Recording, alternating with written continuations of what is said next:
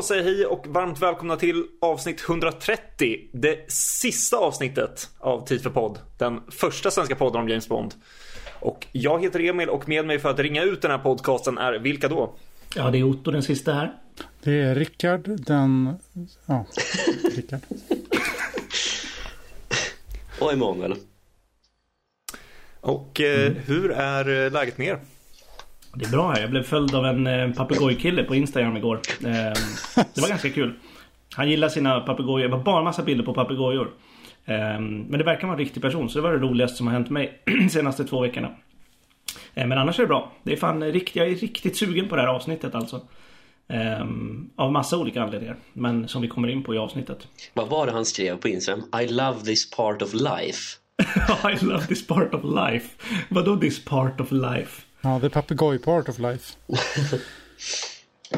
det, är, det är bra här med. Det är ja, inget nytt under himlen, himlen sen senast.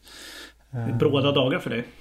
Ja, nu, det ja, nu det är inte så himla farligt nu. Det känns som att nu är det bara väntan. Långdagsfärd mot barn. Ja, alltså. Man vet aldrig när det slår till. Nej, det vet man fan aldrig alltså. Ja, men det är bra här också. Det är eh, inte så mycket bråda dagar, men eh, jag tror inte jag sagt det, men jag har ju träffat en tjej. Så att vi, Va? Eh, ja faktiskt. Så att, Va? Ja, eller hur? Det outar du i podden. Ja, det, så kan det vara. Så att det är väl roliga dagar för min del. känns, det, känns det rätt, Emanuel? Så det får man annonsera i sista avsnittet till sist. Ja, det är därför du slutar egentligen. Tjejen som, det kommer en plusartikel om två år. Här är kvinnan som splittrade tid för barn. Eller hur? Bocken är tjejen, barnet. ja, tjejen, barnet, ja. församlingen. Ja, nej men så är det Sekten. Grattis, kul. Tack. Mm. Kvinnor och barn slår, slår kilar mellan oss. Ja, så är det verkligen. ja. Det blir du och jag Emil som får hänga med varandra och Anton. Ja. Det var ju trist. Exakt. Tjejlösa och barnlösa. Inte för att jag träffar er så ofta ändå, men... Nej, nu blir det ju ännu mindre. men eh, Emil då? Har du träffat någon tjej? Nej. Eh... Däremot en kille, hoppas jag. Ja, en kille för det. eh, nej, men fan, det var någonting jag eh, tänkte på. Nej, det, det har fan inte hänt ett jävla skit eh, sistone. Och sagt, jag hade en grej som jag tänkte, att det här kan jag ta upp i inledningen av eh, nästa avsnitt. Men så har jag helt glömt bort det var. Så, så viktigt var det. det. Det händer inte ett jävla skit. Som jag har sagt i vartenda avsnitt. Det händer inte jävla mycket. Sen avsnitt 97 har du sagt det typ. Ja, exakt. Ja, men det är fan. Det är, det är liksom, det, det, är november och det är så här, livet lunkar bara på någonstans. Mm. Kunde det... det inte varit lite kul om du hade kommit in och sagt Jo jag har fan skaffat Anaconda Det hade varit kul. Det är Emil, det är du som har det papegojkontot I love this part of life. Det är Emils nästa steg i, efter podden. Papegoj Instagram. Åh, oh, fan. Det är något... Du har ju ändå mest papegoj-aura av oss alla fyra som är med i den här. Ja, det ska jag nog faktiskt hålla med om. Va? Ja, faktiskt sitter där och dricker Negroni på kvällarna i Täby och pratar med din papegoja. Ja, och du har ju en papegoja på axeln. Sitter och skriver något, någon promemoria eller något och så har du en papegoja på axeln. så upprepar det du säger. Alltså, ni har sagt anakonda. Jag har ju en extrem ormfobi. Ja, just det. Ja, det var därför och... jag tyckte det var så kul om du hade sagt anakonda. Min... Ja, men jag, jag är ju också i den skalan som tycker att fåglar är obehagliga. Mm. Jag, har inte fobi för dem, jag tycker de är obehagliga. Så jag skulle nog inte vilja ha en papegoja. Men det hade, det, ja, det hade varit ballt. Mm. Jag hade kunnat tänkt mig att ha någon, eh, jag vet inte, om, om grannen hade haft en papegoja på balkongen så hade jag ändå tyckt det var lite mysigt att sitta på min balkong och bara sitta och stirra på papegojan. Stirra ut papegojan. ja men exakt, ha lite såhär stare-off med grannens papegoja, det, det hade jag tyckt var lite kul. Men det är eh, sista avsnittet. Hur, eh, hur känns det?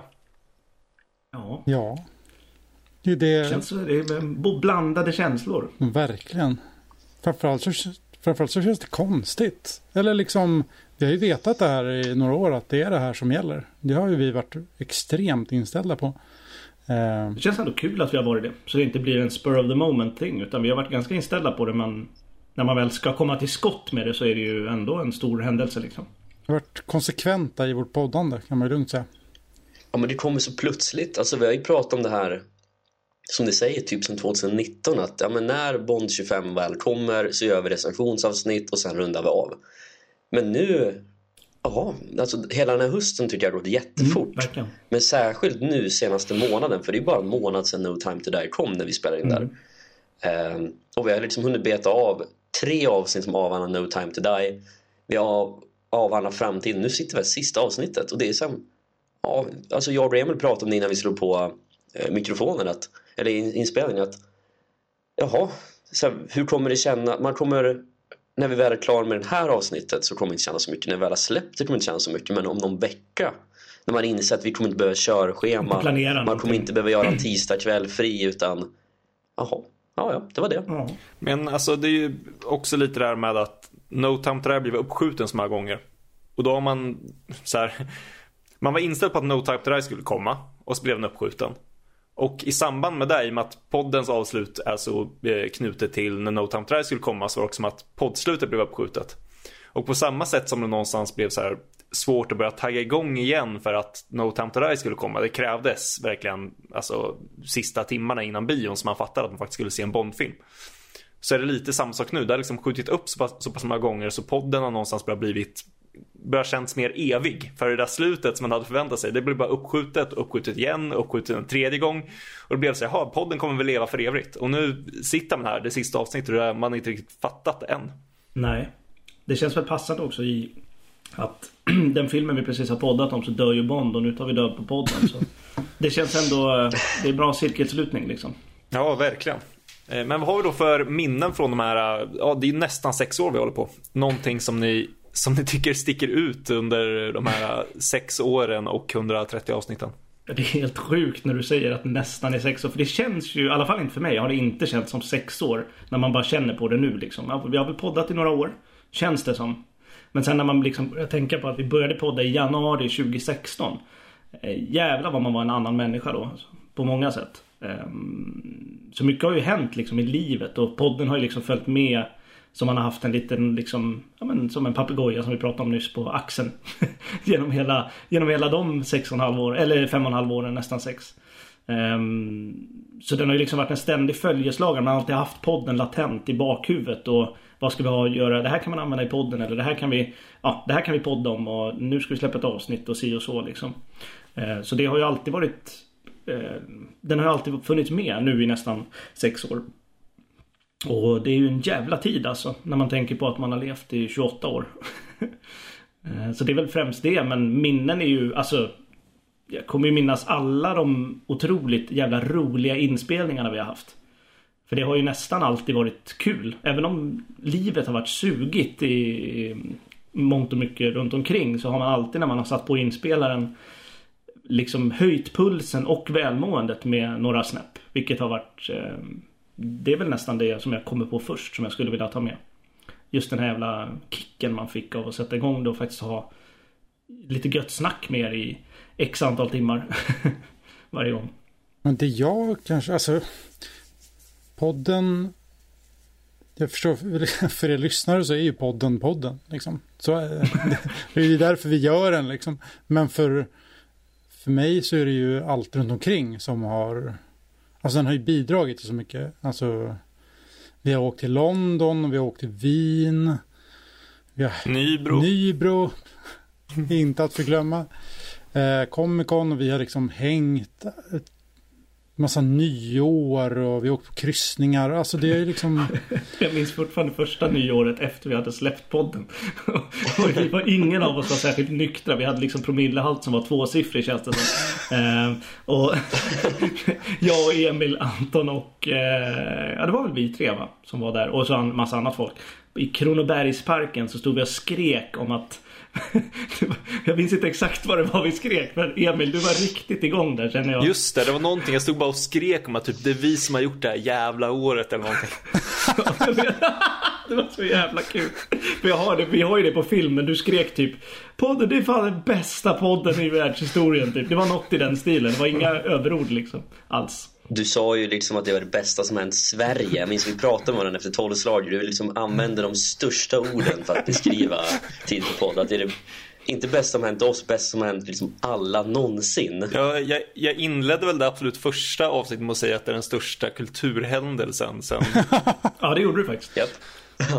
Du tog Ja, det du. Sen har vi bara varit på ett ständigt fall sen dess. Ja, vi var i alla fall med i, eh, i eh, SVT Jämtland eller vad nu. Mm. Mm. Det var fint. Det var det faktiskt. Nej, Och eh, landet runt. just det. Mm. Ja, precis. Nej, men alla de där kringgrejerna är ju kul. De kommer man ju ha med sig liksom i efterhand känns det som mer. Än själva poddavsnitten. Mm. Men eh, Ja, nej men alltså jag håller med. Det är, ibland har det, har det väl känts ganska omotiverat att podda. Alltså vissa avsnitt har man ju känt att ja, man bara riva av dem. Och så sätter man sig ner och slår på inspelaren och så kör man och så blir det jäkligt kul ändå. Och det är nog den känslan jag kommer ta med mig längst att vi sitter i ett antal timmar och bara pratar. Och oftare och oftare, ju längre vi har hållit på så har vi väl gått mer och mer off topic också. Eh, och liksom tagit oss friheter för att vi har blivit mer bekväma. Och jag tror att om man någon gång om några år orkar och vill kanske man ska sätta sig och så här, lyssna på första och sista avsnittet och bara höra produktionerna, inte bara i hur vi pratar utan även hur vi har någonstans även förändrats som personer för att i sex år är en lång tid, alltså där vi var när vi drog igång podden 2016, där är vi ju inte idag om man säger så. nej, men vi har väl alla växt upp lite grann. Alltså även om vi alla var liksom vuxna när vi började med podden. Men det känns ändå som att vi alla har liksom mognat och växt i olika riktningar. Men ändå växt tillsammans på något sätt. Det är ändå sex år. Ja, man är ju man är ju i olika skeenden av eh, livet i alla fall. Men Exakt. eh, just det där med också med podden. Jag pratade med en kompis till mig. Som för övrigt också är poddlyssnare. Jag kan ju säga vem det är för han har ju varit med i podden. Marcus. Det, vår Batman. Batman, vår Batman-korrespondent. Eh, Ja, nej, och vi pratade om det och han var ju på samma sätt som du var inne på, han som bara är lyssnare, att det märks ju hur podden har förändrats och att hur vi kanske är bättre nu. I och med att nu när man har 130 avsnitt bakom sig och man är mycket mer bekväm. Det, det är jobbigt att lyssna på de första, jag skulle säga första 30 avsnitten. Tyvärr. Ja, men och det jag kommer ta med mig också det är att vi har ju blivit väldigt bra vänner under de här åren också. Alltså när vi började podda, alltså vi, vi var ju på, alltså på den chattbasen man kunde skriva till varandra så, men nu är vi ju jättenära vänner. Och det är ju väldigt mycket att tacka. Ja, vi kände ju knappt ens varandra när vi började. Det kan man faktiskt understryka till er lyssnare som tror att vi på något sätt var goda vänner som gjorde, ja exakt, nej alltså vi, vi kände typ inte varandra. Nej, exakt. Utan det vi hade var liksom en bondchatt. Som det var vi och massa andra.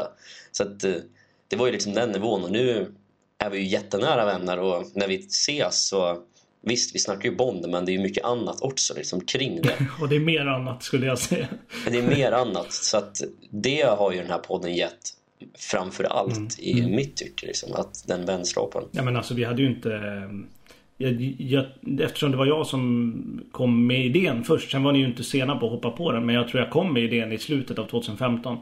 Och då hade vi ju liksom känt varandra i lite mer än ett ha- halvår bara. Från första gången vi sågs. Eh, fysiskt liksom. I IRL som det heter. Så um, egentligen var det ju ehm, liksom lite, vad ska man säga, självmordsuppdrag och dra igång en podd med fyra killar som man aldrig har träffat förut. Men eh, sån är jag. Så jag, kände, jag såg inte hindren, jag såg möjligheterna istället.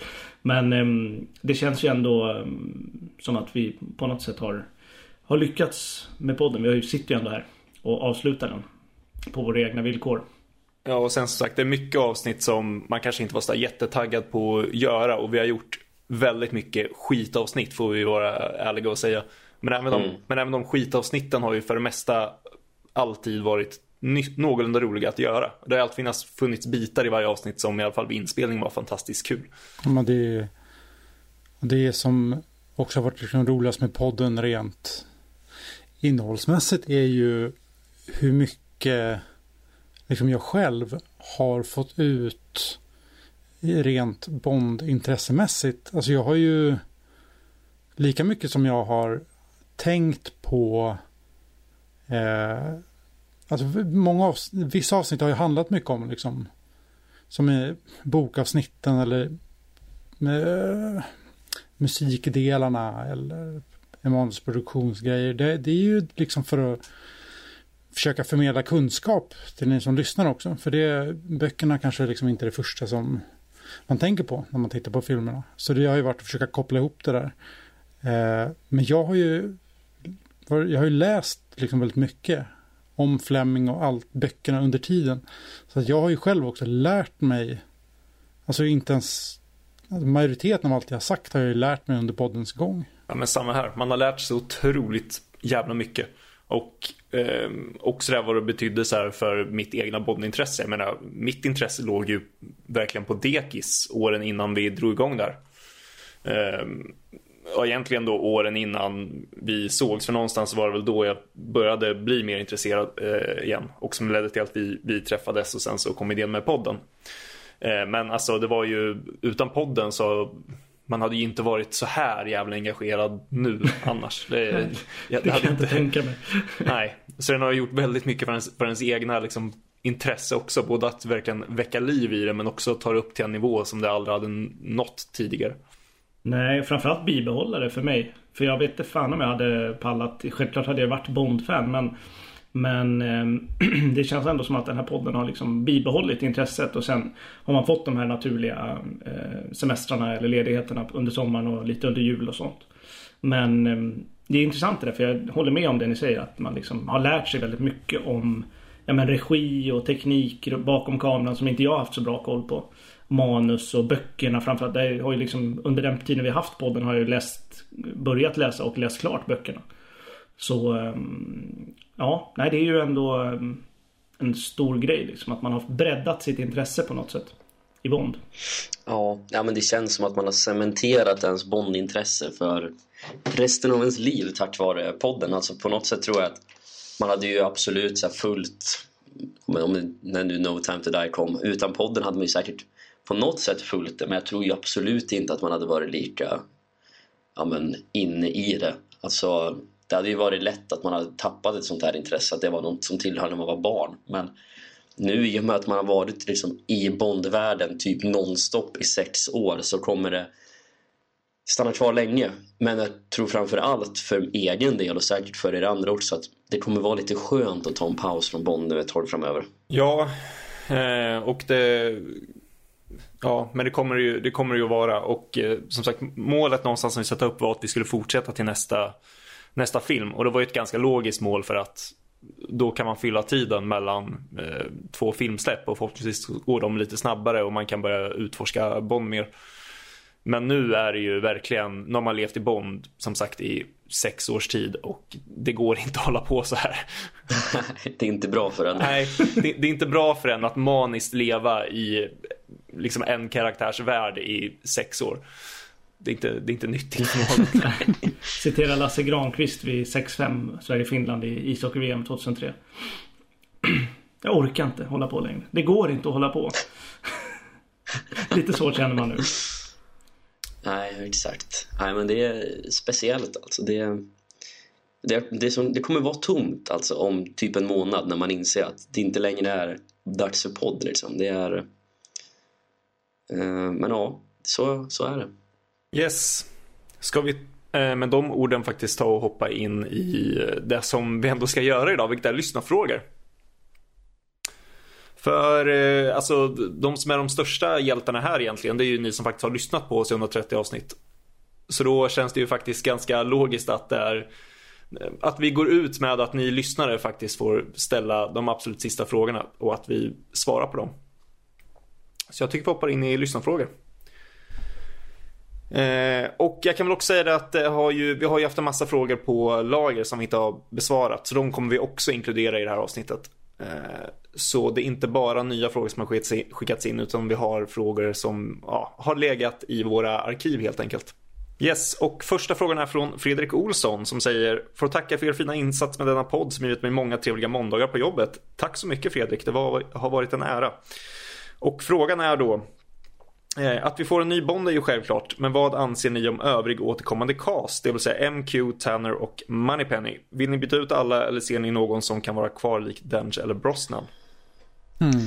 Jag, kan, jag skulle gärna vilja se att de kommer tillbaka. Jag tror inte det. Eh, men hade jag bara fått välja en så hade jag nog sagt att Ben Whishaw gärna får hålla på ett tag till. Men drömscenariot hade ju varit att alla tre eller ja, alla fyra. Jag vill gärna ha med Rory Kinnear också. Ja. ja, så alla fyra får gärna komma tillbaka. Ja, jag, känner, jag känner faktiskt samma. Alltså. Jag ser gärna att alla fem kommer... Eller alla fem. Eh, alla, jag, jag tänkte på Colin Salmon och satt och tänkte på Robinson. Men Han får komma tillbaka. alla... Ja, absolut. Colin Salmon får komma vad han vill. Men eh, alltså... Det, det, det är alla fyra. Alla fyra får gärna komma tillbaka. Eh, det är, jag tycker de är underbara människor alla fyra. Så att, eh, nej men absolut. Eh, jag- de har ju ändå satt in dem i... Ja, vissa kom in för... Eh, ja, alla, alla introducerades ju i samma film. Så Inte Rory Kinnear. Nej men Rory Kinnear är Rory Kinnear. Men eh, i alla fall. De är ju liksom, de har ju bara varit med i två, tre filmer så kör på för fan. De är ju hyfsat unga i alla fall. Jag sätter mig faktiskt på helt andra. Jag tycker att ingen ska komma tillbaka. Ingen får komma tillbaka. Inte ens cast och crew, ingen, ingen ska komma tillbaka. Eh, nej, men bara av den anledningen att eh, de, de har dödat Bond. Och det är helt uppenbart att stor, alltså, att vissa i publiken är jävligt förvirrade. Ehm, jag tror att de måste ha en, helt clean slate nu, för annars kan det här bli pannkaka tror jag. Ehm, då kommer det börja snackas kodnamns, kodnamnsteorin och massa skit. Så att, Oj, den, den aspekten hade jag inte tänkt på. Så nu tror jag nog, alltså min inställning innan var att jag var någonstans mittemellan eh, alltså dig Rickard och sen eh, Emanuel och Ottos hörna. Men nu har jag nog faktiskt helt klippt över till din hörna. För min, min tanke från början med den här frågan det var att jag vill nog, utgångspunkten var att jag vill ha tillbaka allihopa. Så länge det inte är att de vill göra någonting helt annat med dem. Att de vill ha en helt ny typ av Q, en helt ny typ av Moneypenny och liknande. Då hade jag väl ändå tyckt att då kan de också byta bort skådisen. Då har jag liksom inga problem med det. Eh, Det kan till och med vara passande så att man verkligen kan börja på en clean, clean slate om man vill göra en ny typ av M. Men eh, nu när du säger det sådär Rickard får jag ändå vara villig att hålla med dig. Jag tror nog faktiskt att det är bra att byta ut allihopa. Nu när man ändå och helt börjar på en ny clean slate med tanke på att det är så många som inte verkar ens Ja, de, många som är förvirrade där ute i den allmänna biopubliken. jag menar, jag önskar att det inte var så för att eh, framförallt ja, alla fyra är egentligen svinbra. Liksom. Eh, så det blir ju synd att inte ha dem. Men eh, samtidigt, eh, jag menar, jag tyckte Samantha Bond var svinrolig som Moneypenny. Men ja, nu hon fick sina fyra filmer och det hon eh, gjorde sitt avtryck ändå. Så att eh, det är ju inte så att de inte kommer bli ihågkomna bara för att de inte gjorde 15 filmer var. Så att, eh, så att jag tycker att det kan bli kul att se, se lite nya ansikten. Sen vilka? Nej, jag är, Nej, jag har faktiskt inga bra förslag. Nej, det känns så svårt att kasta liksom Moneypenny och eh, Tanner och Q liksom. Man har, ju, man har ju en mer tydlig bild av vem Bond är. Än vem Moneypenny är. I alla fall i mina ögon. Men eh, ja, nej jag, jag tänkte inte att de skulle göra ett avtryck för att de ska vara med flera gånger. Men jag bara gillar dem. det var därför jag ville med dem. Nej, de har ju lyckats eh, kasta dem eh, helt rätt. Men ja, nej, vi får se. Eh, Fredrik har eh, flera frågor som vi har haft på lager. Så jag tycker vi hoppar vidare med fler frågor från Fredrik Olsson. Och eh, Fredrik kanske blir lite sur men det är, jag, jag har valt att eh, korta ner frågorna lite. För det, de var väldigt långa. Eh, så en fråga är då att eh, Bond, var framgångs, eh, Bond blev väldigt framgångsrik delvis då på grund av att de var familjevänliga. Barn kan se, dem- kan se dem tillsammans med sina föräldrar. Under Craig så har filmerna blivit mer våldsamma. Eh, så ser vi då på att Bond borde kunna ses då av en liten yngre publik. Jag tror inte att de exklusivt hänger ihop att familjevänlig är per automatik mer framgångsrika. Det ser vi ju på att Craigs filmer har varit de mest framgångsrika filmerna trots att de har gått i en annan riktning. Men det finns nog något i Fredriks fråga ändå för att som vi har pratat om i leda i den här podden om hur man når ut till den nya generationen och det pratade om så sent som i förra avsnittet så är det ju en svår balansgång för ska man locka en ny biopublik så kanske man måste börja snegla lite på vad de yngre också vill se. Ehm, um, men där har vi ju väldigt många bra exempel på andra filmserier som har nått ut till yngre generationer och blivit väldigt framgångsrika där. Men eh, å andra sidan så är ju Bond alltid Bond. Alltså det, det ju, finns ju ett faroelement i Bond som karaktär som i min värld inte riktigt appellerar till barnfamiljer som så. Sen kan man nog vinkla lite hur man vill. Alltså No time to die som nu senast hade ett par lättare sekvenser som jag tror absolut går hem till de yngre som är liksom coola inom situationstecken. Det är lite action och sådär. Samma med Spectre och Strifle till viss del också. Jag tror att så länge det är bra filmer så rent kvalitativt så kommer alla flockas till filmerna. Och det är det jag hoppas att de strävar efter. Inte att de strävar till att göra filmer till en viss målgrupp utan gör bara bra filmer så kommer alla vilja se mm. dem. Ja det tror jag också. Det är jag helt övertygad om. För jag menar när jag blev Bond-fan för länge sedan så var det ju Då var det ju ändå filmerna som hade liksom bra självförtroende som man fastnade för. Oavsett om det var våld eller inte i dem så var det ju ja, men Goldfinger och The Spy Loved Me och, och Goldeneye och, och den typen av filmer som ändå fick mig att bli fan. Och de kanske inte var barnvänliga på det sättet för en 6-7-åring men ja, jag tittade på dem ändå. Jag blev som jag blev. Men eh, nej, så det, jag tycker de ska köra på det som du säger Emanuel. Kör på en bra film bara. Ja, precis. Sen får man inte glömma bort heller att eh, Connerys filmer, eh, i alla fall hela 60-talet, det var inga familjefilmer. Kanske John Only Twice på något sätt när det hade blivit ett större fenomen. Man kanske, men eh, det var ju till och med egentligen när vilka är de sista filmerna som hade 15-årsgräns? Roger Moores filmer hade ju också 15-årsgräns. Casino Real hade ju 15. Quantum fick 11 i mm. sista stunden. Men jag menar, det är ju, det är ju egentligen först på Roger Moores tid som, eh, som Bond blev något lite så. Man gick med familjen, det var ett litet event. Litet äventyr, man skulle se vad Bond hittade på den här gången. Men sen kom Dalton och då var det inte så plötsligt igen. Och så kom Brosnan Precis, och då var det tillbaka till familjevänligt och nu är vi Craig. Så det kommer väl hålla på och fluktuera sig upp och ner. Sen tror, jag väl, sen tror jag väl i och för sig att även om de filmerna kan ha varit där på bio när de kom så tror jag inte det är så många som dras för att visa Goldfinger för sina barn idag. Nej, nej, absolut. Men jag tänker hur de var tänkta när de kom. Liksom. Ja.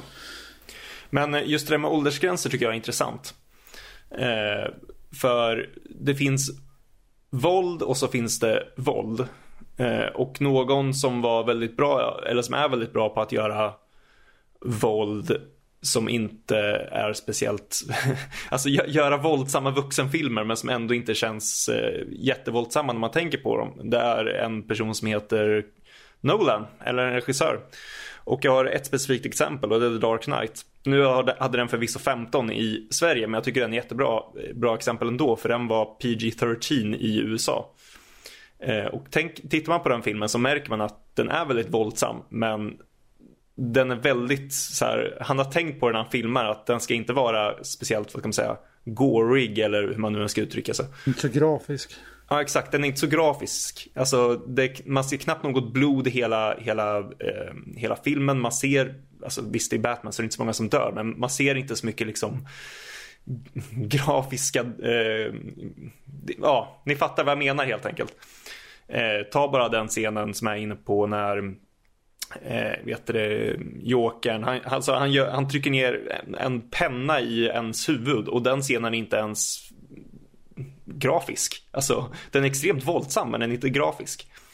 Eh, så trots att filmen har en sån scen så fick den ändå PG-13 i USA. Och det tycker jag ändå visar någonstans att du kan göra det någorlunda vuxet men ändå beroende på inställningen till det, hur grafiskt vill, väljer att göra det så kan det påverka åldersgränsen. Det tror jag även gör i, US, eller i, mm, i Sverige. Så jag tror man kan göra filmer som någonstans är ganska vuxna i stilen men som för den delen kanske inte är så våldsamma så att föräldrar tycker att nej men det här, nu måste du titta bort. Det är liksom två aspekter av det någonstans. Ja, men exakt.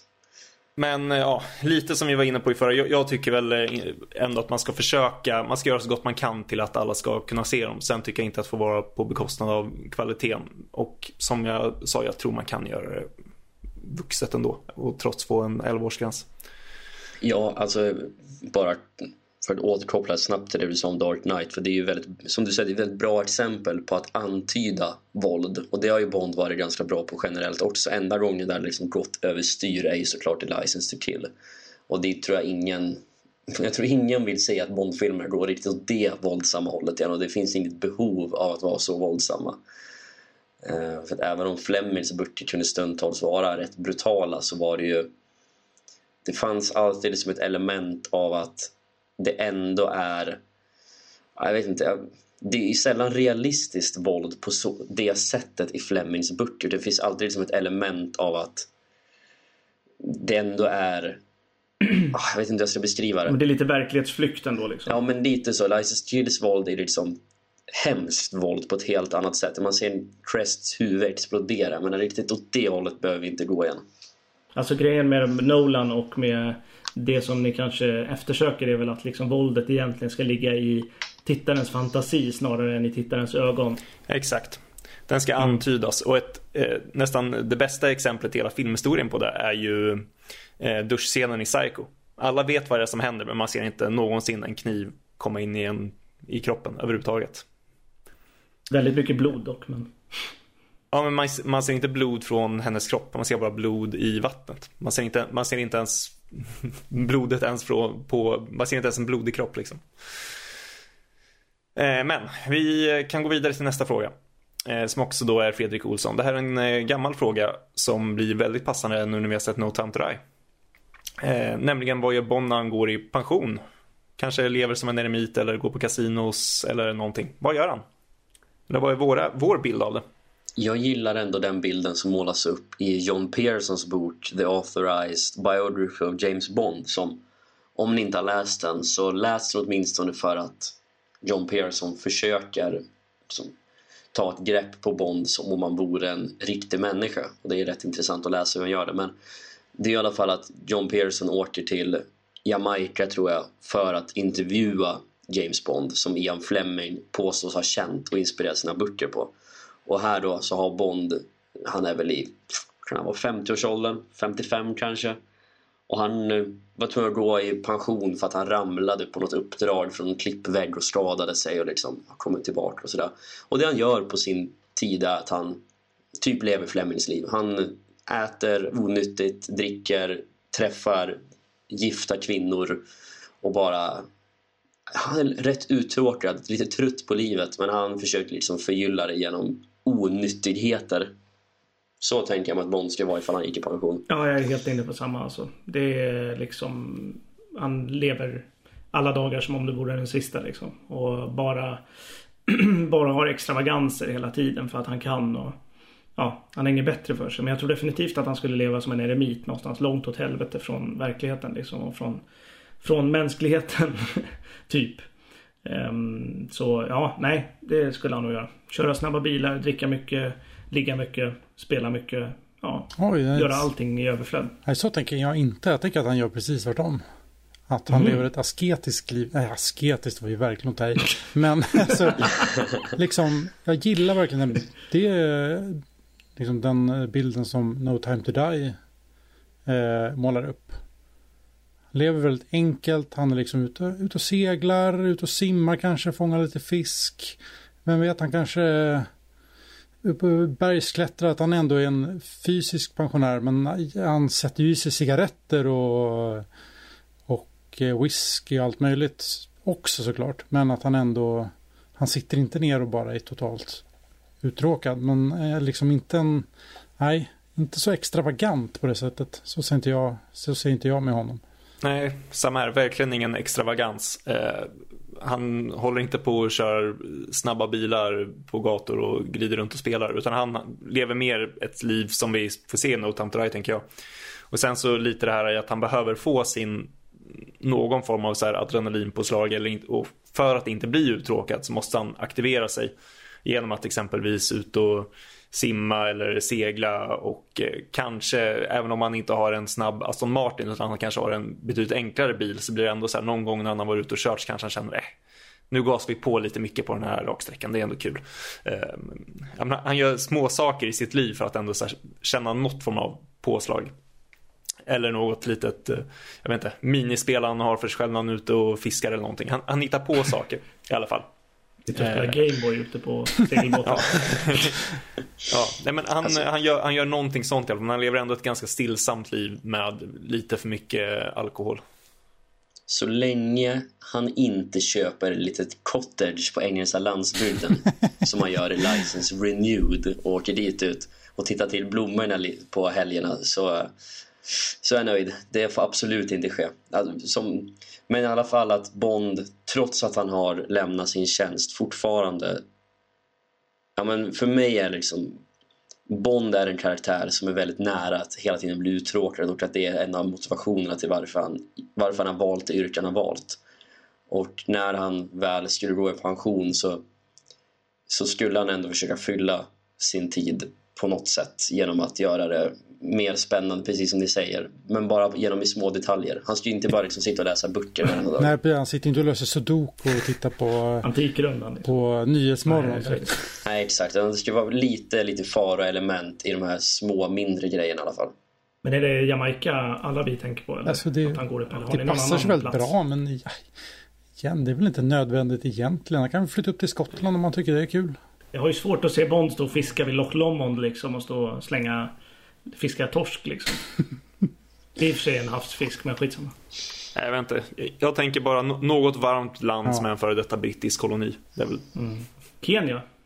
Ja, ja, varför inte? Fan vad coolt att se Bond i Nairobi. Nu flaxar jag iväg. Jag tror, jag tror inte han hade varit där eh, liksom hela sin pension. Men jag hade kunnat tänkt mig att så här, nej men nu är jag rastlös, nu måste jag hitta på något och så drar han mm. till Kenya och hänger där en stund. Det hade jag, det hade jag kunnat. Kanske på någon gammal vän, drar runt i Nairobi. Ja. Ja, fy typ fan vad coolt. Station K eller någonting. Mm. Station K, det är kul. Ja. ja. Eh, ska vi gå vidare? Vi har en massa frågor att avhandla. Ja. Mm. Eh, ja. Eh, nej men då säger vi väl tack till Fredrik Olsson för hans frågor och vi kan också säga att han sa lycka till med era åtaganden framöver och ställer inte på en klippa om ett gäng raketer kommer emot er. Eh, vi ska försöka att undvika det. Det blir svårt på nyårsafton eventuellt, men vi ska ja. göra det bästa. Om det kommer några raketer mot en på nyårsafton ställer man sig med händerna knutna mot höfterna och bara står och ser lite heroisk ut. Tittar upp, I know. I know. We have all the time in the world, säger vi. Så står vi där Samtidigt som jag står och fyllskriker om att det är det bästa, bästa som har hänt Sverige. Ja. Och så dör vi. Ja. Ja. Vi går vidare. Eh, nästa fråga är från Lennart Paridon. Eh, uttalar rätt, tror jag. Eh, eh, om ni fick välja varsin karaktär från serien 60 år att göra en spin-off seriefilm på, vilken karaktär skulle ni välja då och varför just den? Ja, det, vi pratade ju det om vi gjorde ju något spin-off avsnitt, gjorde vi inte det? Ja, det gjorde vi. Och då tog vi upp den. Jag minns inte vad jag sa eller vad någon annan sa. Ja, men jag kom ju fram till att en spin-off på Blowfelt hade jag gått igång på alla dagar i veckan. Eh, liksom hur han bygger upp Spectre. För det är ju ändå ett, typ det mest fascinerande kapitlet i just boken Thunderball. Som det hade gått att göra mycket med tror jag. Men oh, det finns så mycket annat kul Eh, mm.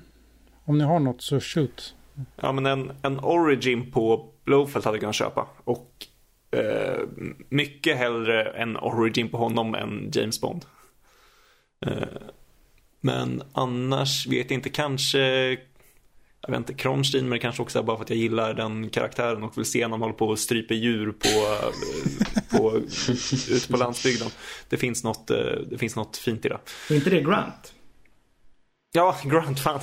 Jag samma film. Kronstein samma, samma, det, det, är samma film. Skitsamma. Ja. Såklart. Såklart jag menar. Du har sån auktoritet i din röst men sen du sa det så köpte jag det ja. rakt av. Men det, det är klart. Jag säger bara glömt det. Ja, det är klart jag menar, det är klart att jag menar Grant. Ja, det är bra. Eh. Alltså jag har ju ändå, det är kanske en liten bubblare men jag skulle så jävla gärna vilja se, inte kanske en film spin-off eller en spin, ja det blir väl en spin-off serie då kanske. Men om eh, Columbo.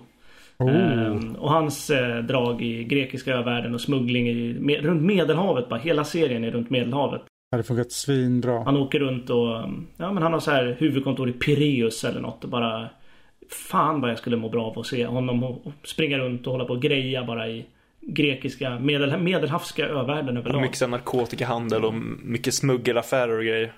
Ja, ja, ja absolut. Ja, fan alltså. En tv-serie eller filmserie eller vad som helst. Men Columbo hade jag fan velat se. Det hade varit coolt. Jag hade velat sett en serie om liksom hur Quantum blev Spectre. Alltså jag hade velat sett hela den övertagandet och liksom allt maktspel där. Så en riktigt mustig serie i, i åtta delar när man bara ser hur den här mystiska organisationen då det blir en rent av terrororganisation. Bara så här, man får se vad de hittar på runt om i världen när de ska på oreda. Sånt hade jag velat sett. Vänta, är det så du har, är det här någonting som jag har missat? Som har förklarat? är, Nej, det, så du, jag, är det så du ser det? Att Quantum blir Spectre? Det övergår till det? Jag har alltid tänkt att Quantum är typ en del av Spectre på något sätt. Men jag vet inte exakt hur. Jag tänker mig att jag gillar den förklaringen någon skrev någonstans att den här svansen i bokstaven Q är en del av en tentakel i Spectre-loggan. Eh, och att någonting där hände så att det sen blev Spectre. Ja, exakt, för jag tänker att de är någon form av del av Spectre. Men det är inte att de, de sköter en liten del av deras operationer. Men det är inte så att Quantum går och blir en terrororganisation. Skitsamma. Det kanske är Spectre med Q i Craigs era. Så en tentakel i Q. Spectre med Q. Åh oh, nej. Special Executive for Counter Intelligence. det slog mig bara nu. Anna, annars är det i och för sig en bra spin-off idé. Att istället för att göra en spin-off på Spectre så gör man en spin-off på Quantum och ser vad de har för sig. Mm. Och då, kan man, kan, då kommer man också runt problemet med att Blowfelt måste vara med. Då kan man göra en spin-off Ja, på Quantum och göra så här lite allt skit som de håller på med bara. Mm. Alltså jag skulle vilja se typ en... eh, Nej, kanske inte en såpopera, nu överdriver jag. Men, men, men liksom det dagliga livet på MI6. Ja, ja, verkligen. Alltså det, jag vet inte om jag faktiskt skulle vilja se det men bara, bara se liksom Robinson, Tanner, eh, Moneypenny, Q. Alla bara hålla på och greja och sitta och... Alla utom Bond. Ja, alla utom Bond. Han, kommer in, han är liksom en riktig jävla bifigur i ett avsnitt typ.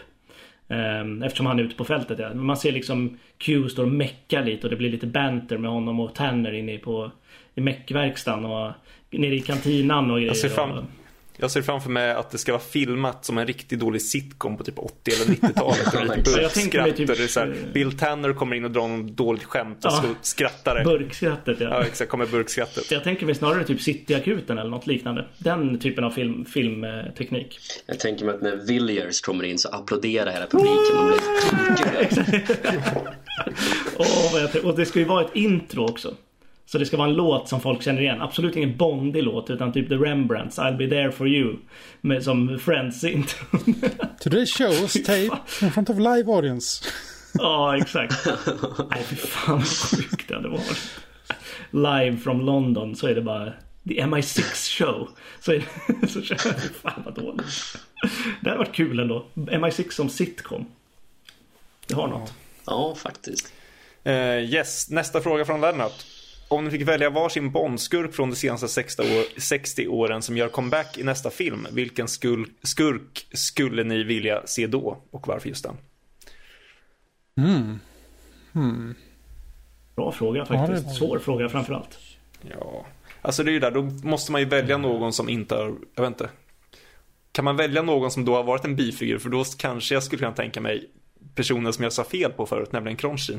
Ja, faktiskt. Mm. Eh, åh, För att han var ändå inte huvudskurk och det skulle man, man skulle kunna göra intressant med hans karaktär liksom. Att han bara är någon form av planläggare. Ja. men kanske faktiskt Irma Bunt. Ja. Eller Rosa Klebb. Ja. Alltså en... eh, mm. Nu känns det ju dock som vi har fått lite Irma Bunt eh, light i Ja, men vi- Dr. Ja, Fågel. men det är det vi inte har fått. Nej jag vet men det känns ju så. Nej. En rödhårig tant som bara är Spectre. Vill, man, vill man se Irma Bunt verkligen? Hon är liksom en, eh, en av de få skurkarna som inte har dött i Bond-serien. Så det skulle ändå funka att ta in henne, tänker jag. Mm. Det var ju det det var snack om inför Spectre, att hon skulle vara Dr. Ja. Fågel. Alltså, nej jag vet inte. Det är svårt. Man vill gärna ha någon sidokaraktär då för huvudskurkarna är så himla förknippade med... ehm, Ja, alltså jag tänker på... Det är så jäkla konstigt bara, jag kommer att tänka på det nu. Att I spelet Everything or Nothing, att Matt Soren får en framskjuten roll i det spelet. Det är så jäkla konstigt och det är ett exempel på när det inte funkar att ta tillbaka en skurk. Ja, det faller platt som satan i det. Det är jättekonstigt. Så att, nej, det måste vara en sido, sidoskurk. Det är väl att han är väl med i huvudstoryn också. Han är inte bara med i multiplayer. Han är väl typ... Eh, inte Nikolaj Diavolo hans adept. Exakt, han är hans eh, förebild i livet. I used to play bridge with Max Sorin eller vad M säger i någon cutscene där. Ja, exakt. Herregud. Nej men alltså det måste ju vara någon sidokaraktär. Ja, alltså, får jag alltså. vara, vara lite tråkig så ska jag, men det går ju inte för att skådespelaren i fråga är död. Men hade jag varit möjligt att liksom återuppliva honom så jag velat se Dr. Kaufman komma tillbaka. Men det är bara för skådespelarens insats. Ja, men eh, det hade jag också ändå kunnat köpt om det, även om, om det är en annan eh, skådis. Att man hade kunnat få in honom. Och eh, annars får jag väl säga Kronchi, för det är en roll som jag tror man, man Väljer man att göra någon form av Spectre-film så tror jag att eh, han hade lätt kunnat få en plats i den filmen. Ja. Jo, kanske. Men rent... Nej men det är ju det rent generellt så är jag ju ganska nej på den punkten. Eh, Men Irma Bunt är nog ändå min toppkandidat. Annars en eh, brännskadad Elvis får ju att vattnas i munnen direkt. Men vad fan, En brännskadad Elvis. skärp dig. Ja, nu skärper du dig fan i munnen. Man måste ju få in Kos en sista Ja. i den här podden. Det förstår jag. Ja, det här är väl andra gången du får in dig i sådana fall, för vi pratade ju om Quantum förut. Jaha, ni ser. Det är otroligt. Nästa fråga kommer från Per Davidsson. Eh, tack för en fantastisk podd med, med mycket Bondkunskap. Tack så mycket säger vi. Eh, och han undrar, eller han har funderat en sak när han har lyssnat på podden och det är att vi aldrig har vågat tala om Bondbrudar är snygga eller inte och om det då skulle vara en generationsfråga. Ja, det har väl dykt upp någon gång ibland. Eh, men Ja, jag vet inte, jag känner inte att det är... Jag ser inte värdet i att, och säga det. Jag tycker det är mer intressant vad de spelar för karaktärer faktiskt. Men för mig är det också, jag vet inte, jag... Ehm, jag går sällan igång på eh, liksom utseende på, på, liksom, på eh, filmkaraktärer. Om säger så. Eh, och framförallt eh, karaktärer som man möter, i- liksom, de finns bara med i en film. Alltså en tv-serie när man följer dem väldigt länge där man mer liksom eh, får lära känna karaktären och de ser väldigt bra ut så kanske det är lite annorlunda. Men jag vet inte, det... Jag menar Bondbrudar har ju alltid sett väldigt bra ut. Men de har också sett väldigt stereotypiskt bra ut vilket gör att det är mer, jag, jag vet inte. Jag skulle säga så här. För att så här, eh, som frågan är ställd, en sak ni aldrig har vågat tala om. Just det där, aldrig vågat tala om. Jag skulle snarare säga är att vi hade nog vågat tala om det, men, det, men kanske det snarare är så här att när man ska prata om en karaktär, kvinnlig eller manlig. I alla fall det jag tänker på, det är ju snarare vad gör de? Vad gör de i filmen? Har de något intressant att göra? Har de bra Eh, bra, bra lines, bra kemi. Om man ska ta då Bondbrudar exempelvis. Är de sådana som bara blir runtsläpade rundsläpade av eh, Bond i två timmar och inte har något att göra? Eller har de faktiskt saker att göra och är bra karaktärer? Det är det som snarare är intressant. Och då blir det snarare, när det är det man tänker på, då kommer man aldrig riktigt tanken om deras utseende. För den är inte lika intressant att prata om. Så jag skulle nog inte eh, säga att det är att man inte har vågat. För det tror jag nog vi ändå så här hade kunnat våga säga. Vi tycker den och den och den är snygg. Men det är inte så intressant. Nej, men jag känner, det var ju det jag menade i början. Jag tycker inte det ger så mycket. Alltså jag själv hade inte velat... Eh, jag hade inte haft något emot det men jag hade ändå känt så här, ja men gå vidare till det intressanta liksom. Vi har ju inte pratat om manliga karaktärer som snygga heller så att det är liksom utseendemässigt det, utseendet på karaktärerna är liksom det minst intressanta för mig. Förutom om det är någon liksom fysisk defekt på någon skurk eller så. Men Ja. så, nej intresse, alltså intresset och in, liksom värdet i att gradera det på det sättet tycker jag är noll för mig. Så att det, det är väl därför jag själv inte har sagt något i alla fall.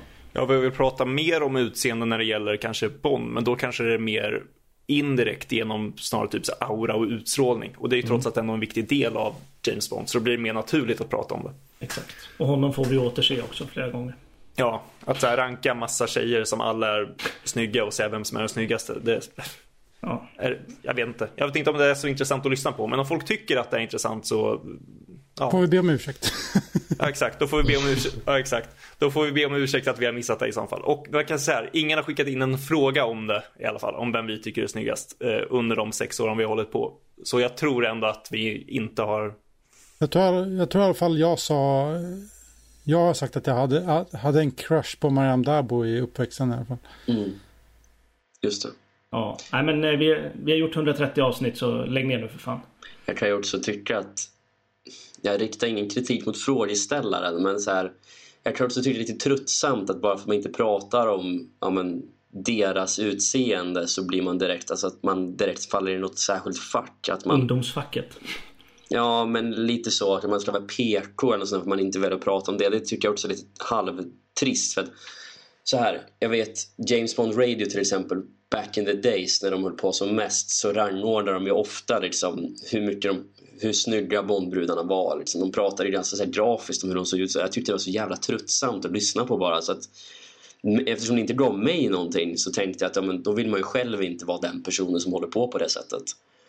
Um, och det är väl jag vet inte om det är ett medvetet val från vår sida att här, inte prata om hur de ser ut men precis som ni säger är det väl mest bara för att det är inte är särskilt intressant att lyssna på. Jag har faktiskt inte reflekterat över det ens en Nej, jag har inte heller, Nej, jag har inte heller reflekterat över det någon gång. Jag har inte känt att det har saknats liksom när vi har pratat om det. Nej, men exakt. Och det är, så, det är lite konstigt. Alltså, om poddar är ändå ett medium som man lyssnar på så då sitter och lyssnar på hur vi pratar om hur vi beskriver hur någon ser ut. Alltså, Titta på en bild jätte... och gå vidare liksom. Ja exakt, titta på en bild och bilden är en åsikt i sådana fall. Och nästa fråga är från Lenny Johansson. Hörde jag rätt i något avsnitt att ni skulle göra en podd om Estonia-katastrofen? Finns den någonstans?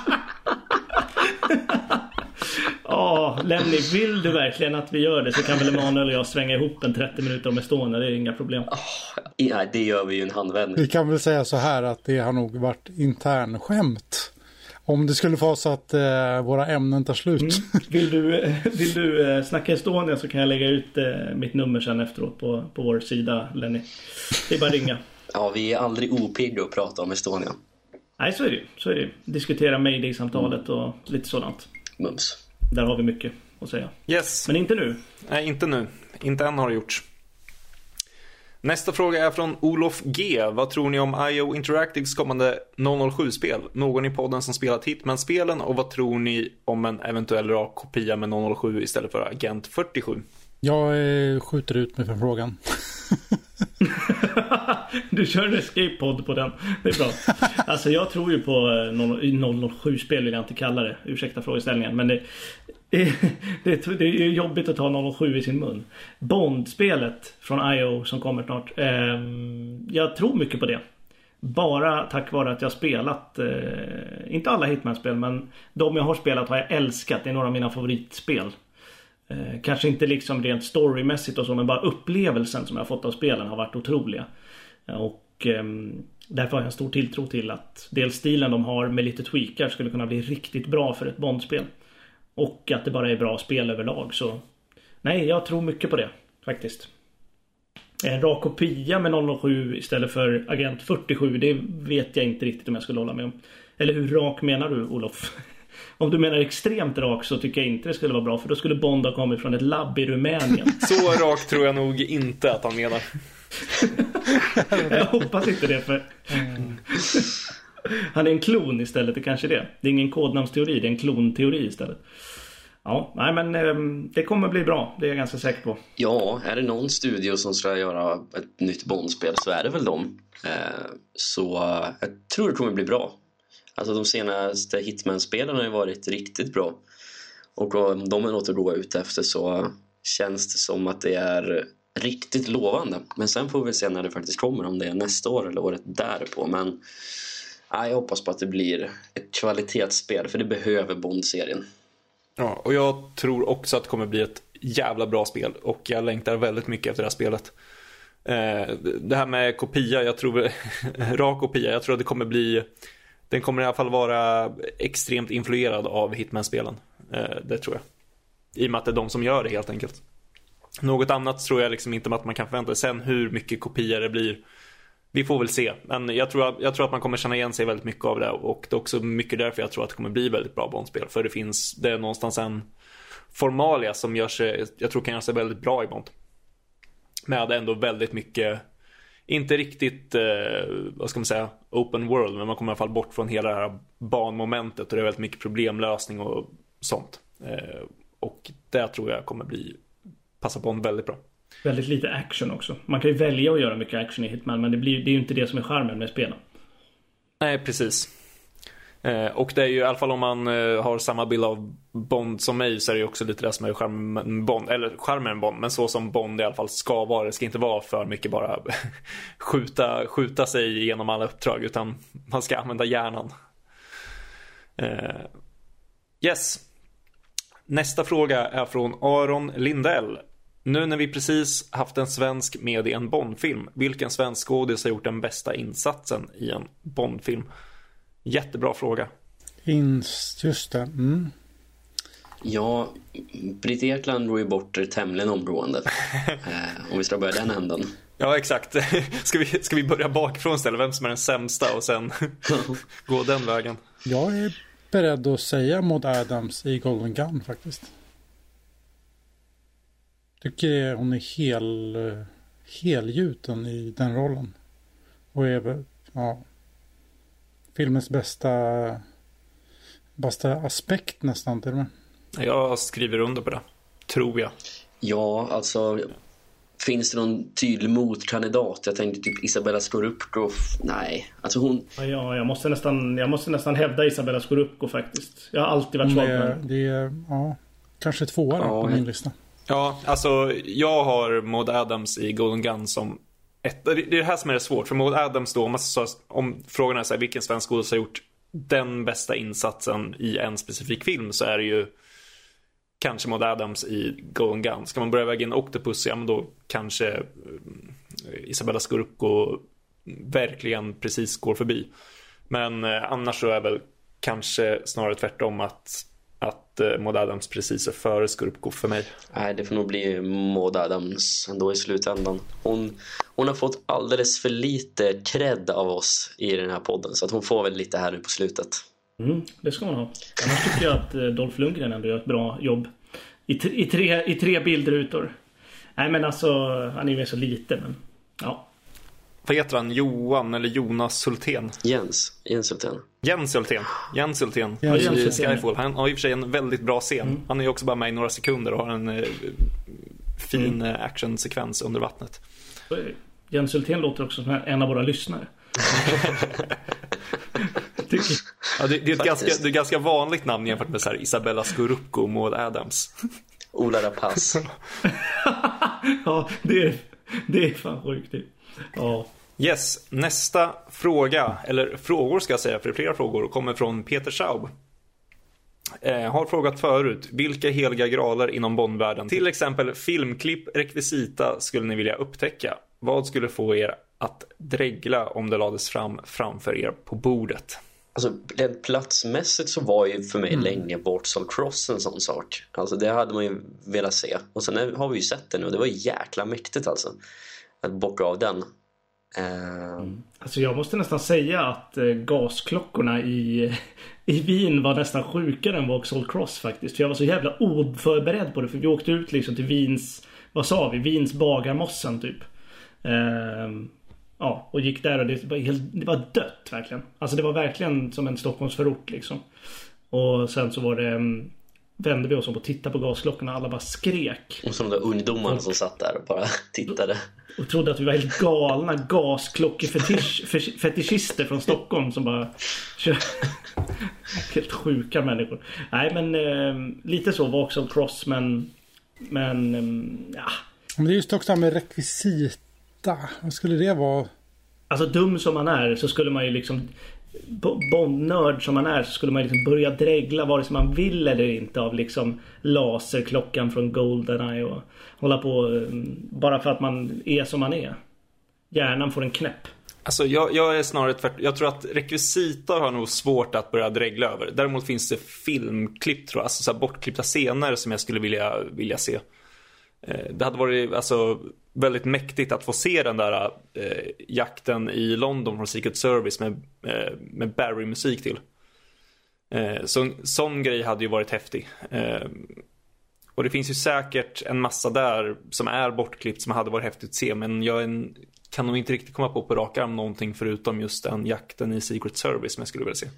För mig är det ju, om man liksom vidgar frågan lite så är det ju manuset till Chrono of Solace. Det, att få det serverat liksom framför sig, det hade ju varit helt galet. Det, det är liksom den stora saken jag känner att jag måste få tag på någon gång i mitt liv.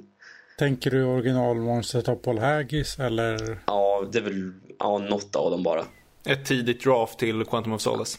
Ja, exakt. Det är tredje Quantum eh, omnämningen. Ja, jäklar. Sant. Ja, det kommer fler. ja, apropå Kos så såg jag att det satt 400 migranter fast på ön Kos i Medelhavet just nu. Eh, liten pushnotis jag fick. Eh, lite omvärldskoll också i. Jag eh, svarar som jag svarat på frågan. Vilket plagg skulle ni vilja ha? Det här är många avsnitt sen. Men vilket plagg vill ni ha från Bond-serien? Eh, Quarrels röda t-shirt. det är klart du vill ha den Rickard. Den rekvisitan vill jag känna på.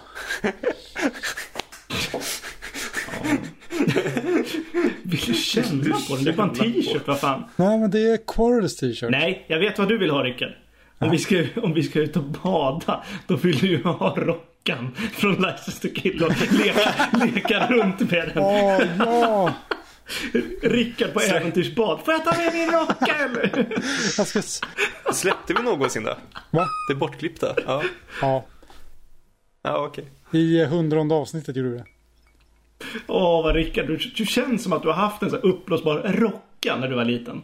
Ändå. Nej, men det, det, det kanske ska be min sambo sy en sån till den lille. Ja, nej, jag hade ju gärna sett den där, eh, vad heter det, eh, kommentarspåret. Eller sett det hade jag inte gjort, men hört det. När Terence Young och Ken Adams sitter och är fulla. Ja, men det finns ju. Det har jag på eh, min dator. Skicka? Ja, det kan jag skicka. Mm, då får jag. Fan, mina önskningar går ju i uppfyllelse direkt. Det är fantastiskt. Ja. Eh, ni ah, nämnde nice. förut tror jag att, Man, att uh, The Man with Golden Gun är den enda Bond-filmen utan helikopter. Gäller det fortfarande? Också från Peter Schaub. Uh. Jag tänkte lite på den där. Är det verkligen den enda? Alltså... Finns det en helikopter i Dr. No? Jag kan inte minnas att vi har sagt det så jag vet inte. Jo men vi har pratat om det här någon gång för det är någon sån. Det... Ja men hade vi rätt? Det är ju frågan. Ja det är, det är verkligen frågan. Uh... För alltså, jag minns ingen i Dr. No. Jo men det är en helikopter på um, på alltså Dr. No's bas där. En helikopter som typ landar eller flyger iväg. Är du säker på det Rickard? Ja, ganska säker. Alltså det är verkligen bara i förbifarten. I sådana fall, så när ska vi ha sagt det då? då måste det, ha, det har ju varit sen efter Spectre kom, så då skulle det i så fall vara, är det någon helikopter i No Time To Die? Och det är det ju. När eh, Norge-jakten drar igång så är det ja, just det, där. Just det. Så det kan vi i alla fall säga. Hade, har vi sagt då det och det är sant så eh, gäller det fortfarande. Men, Men vi står inte för att vi har sagt det. Exakt. Vi står inte för att Man Gone Gun är den enda Bondfilmen utan helikopter. Yes, nästa fråga från Peter Schaub. Vilka Bondfilmer skulle tjäna mest på omklippning, typ Directors Cut? Eh, två filmer direkt som hade tjänat jättemycket. Eh, varav en jag själv har tänkt klippa om för jag blir bara arg när jag tänker på den. Eh, och det är eh, eh The World Is Not Enough och det är Never Never Again. Ja, jag hade ju gärna klippt lite i Diamonds också. Eh, men den är ju så jävla härlig på sitt jävla bisarra Quentin Tarantino-sätt så eh, men det finns ju saker som bara är helt efterblivna i den. Man fattar liksom inte. Ja, Diamonds hade ju kunnat klippts om och där saker ska bort och saker ska lyftas in som de klippte bort. Som är så här, varför klippte ni bort det här? Det förklarar ju typ filmen och så är det bara bortklippt. Så ja, eh, Diamonds är väl även en sån för att göra filmen mer begriplig. Eh, World's Not Enough och Never Never Again för att bara göra dem bättre. Mm. Hade du tagit med mer från springet in i MI6. Oh ja, det, den sekvens ska liksom bli 15 minuter lång bara den. Pre-Titan blir 40 minuter. I had to do some quick thinking. Lägger in 15 minuter till. Nej men eh, Dual Zone Träff är väl lite en sån som jag, den, den ska ju bara klippas om. Så är det. Kan du ta bort hela kaviar-actionet? Jag har reflekterat alldeles för mycket på det. Eh, och jag har kommit eh, fram till att det går, men då måste man i så fall lägga in, eh, alltså nej, det, det, är jättesvårt. För du får så ofantligt mycket information i slutet som är viktigt. Det är information i slutet av kaviarfabriken som leder honom till eh, Istanbul. Ska du klippa bort kaviarfabriken då måste du få honom, Bond i Istanbul när eh, scenen med eh, Robert Coltrane och Bond, jag kommer inte ens på vad han här, Sukovsky heter den såklart när de är i Istanbul innan bomben sprängs. Du måste få bomb dit och du måste få en anledning till det. Och det är väldigt svårt utan den lilla dialogen i slutet på kaviarfabriken. Du skulle kunna klippa första tredje... Du skulle kunna behålla första tredjedelen av den sekvensen när helikoptern med de här bladen kommer. Och sen får man se när Bond spränger den helikoptern och sen går man till Bond och Sokovsky. Så man kan ha klippt liksom två tredjedelar av den actionsekvensen. Ja exakt, man kan i stort sett klippa ner den och då är det lite så här, ja, jag vet inte. Man hade väl i så fall fått testas fram och se om det hade funkat. Men den, det går inte att klippa bort hela sekvensen i alla fall. Jag tänker att hade man fått tillgång till andra klipp, så här, om man bara skulle få klippa om filmen utifrån vad som finns idag då hade jag nog valt ja, The World Not Enough också. Men hade man fått, kunnat få tillgång till klipp som inte man har sett utan man hade liksom fått hela råmaterialet och bara klippt dem från början så hade jag typ valt ja men typ Spectre eller någonting. Alltså det känns som att klippa om den filmen och göra den mer liksom konkret. Och det finns säkert sekvenser där också som man skulle kunna petat in som hade gjort filmen mer för det, det är den filmen som frustrerar mig allra mest. För att den, det finns en genuint bra film där någonstans. Bara den hade kapats och gjorts om lite. Nu kommer jag att tänka på en, en till film. Nej, kör. Ja, men, Nej, eh, fortsätt. Förlåt att jag avbröt. Nej, men jag vill bara slänga in, när du sa bara så här, man får tillgång till råmaterialet. Då vill jag ju bara ha liksom alla de så här 47 timmarna råmaterial från Thunderball och bara sätta mig och klippa en film. Eller bara sitta och titta på det. Ja. Men de bara, Bond går runt på Bahamas och bara mår bra. Men annars är ju Thunderball rent generellt en sån, för den är ju också ganska obegriplig i klippningen. Alltså, mm. där fattar man inte riktigt hur de har tänkt alltid. Eh, det funkar när man ser dem första gångerna och det är ju mycket så filmen var tänkt för att man ska inte sitta och se den sjuttonde gången på på um, vad heter det, ser den för 17 gånger och börjar reflektera över ja, men hur leder den här scenen in på den här och hit och dit. Och vad var inte där nyss. Men det är ju en sån film som verkligen egentligen borde klippas på ett annat sätt. Men ja, man vet inte. Har Rickard något där? Nej, det är väl det gamla vanliga Quantum Solace. ja, femte gången. Ja. Ja, den är, den är ju ett haveri på vissa sätt. Men jag väntar, jag tror de, oh, fan också. Det är, det är ju en film, ja men det är ju det, det är en film som hade kunnat bli så pass mycket bättre. Men frågan är hur mycket det faktiskt är klippningens förtjänst och hur mycket det faktiskt är att det bara är oh, Kanske att man kan uh, få den att lyfta ett par poäng genom att klippa den. Klippa om den. Ja. Jag tror vi har fångat in de filmerna som i alla fall uh, kan klippas om och bli bättre på det i alla fall. Eh, Peter Schaub hade en fjärde fråga som är Vilka förändringar till Blu-ray har gjorts på de gamla Bond-filmerna? Ni nämnde Goldfinger-planet med linorna och kulspruteljudet på slutet av On Mercy Secret Service. Finns det fler? Ja. Um... Ingen aning faktiskt. Jag antar att det finns något. Jag kan inte säga några konkreta grejer men jag vet ju att musiken har förändrats lite i Gun Barrel-sekvenserna i uh, Golden Gun tror jag. Att de har pitchat upp det lite grann. Eller de, de, de har gjort någonting med ljudet så att det har liksom blivit en halvton upp. Uh, Moonrake är tvärtom. Ja, precis. Om man tittar på gamla VHS-introna eller liksom Ja, men, om du, om det, det finns säkert Old Gun Barrel, de här med Golden Gun, eller söker på något. Får man fram någon special edition-utgåva eller något och sen 4K, de här Golden Gun om det finns så kommer man höra en liten skillnad har jag för mig. Ja, alltså nej, de har ju inte varit inne och petat jättemycket utan det är lite ljudeffekter där. Men jag tror väl, om jag inte är helt fel, att ljudeffekten där på Secret Service, där har de väl lagt tillbaka den ursprungliga nu på nya utgåvor. Uh, och det var väl Ultimate som de hade det? Exakt, och mm. samma är det när de kastar ner han vad heter han då? Han som Larup knuffar ner i highpoolen i Thunderball. Quist. Där ursprungligen så vart ju blodet rött liksom när man ser kameran underifrån vattnet. Eh, men det på Ultimate Edition så har de tagit bort den röda effekten så det bara var vatten som blev liksom lite vågigt. Liksom. Men nu på nya 4K-utgåvan så har det blivit rött igen. Så det ska liksom se ut som det är blod i vattnet.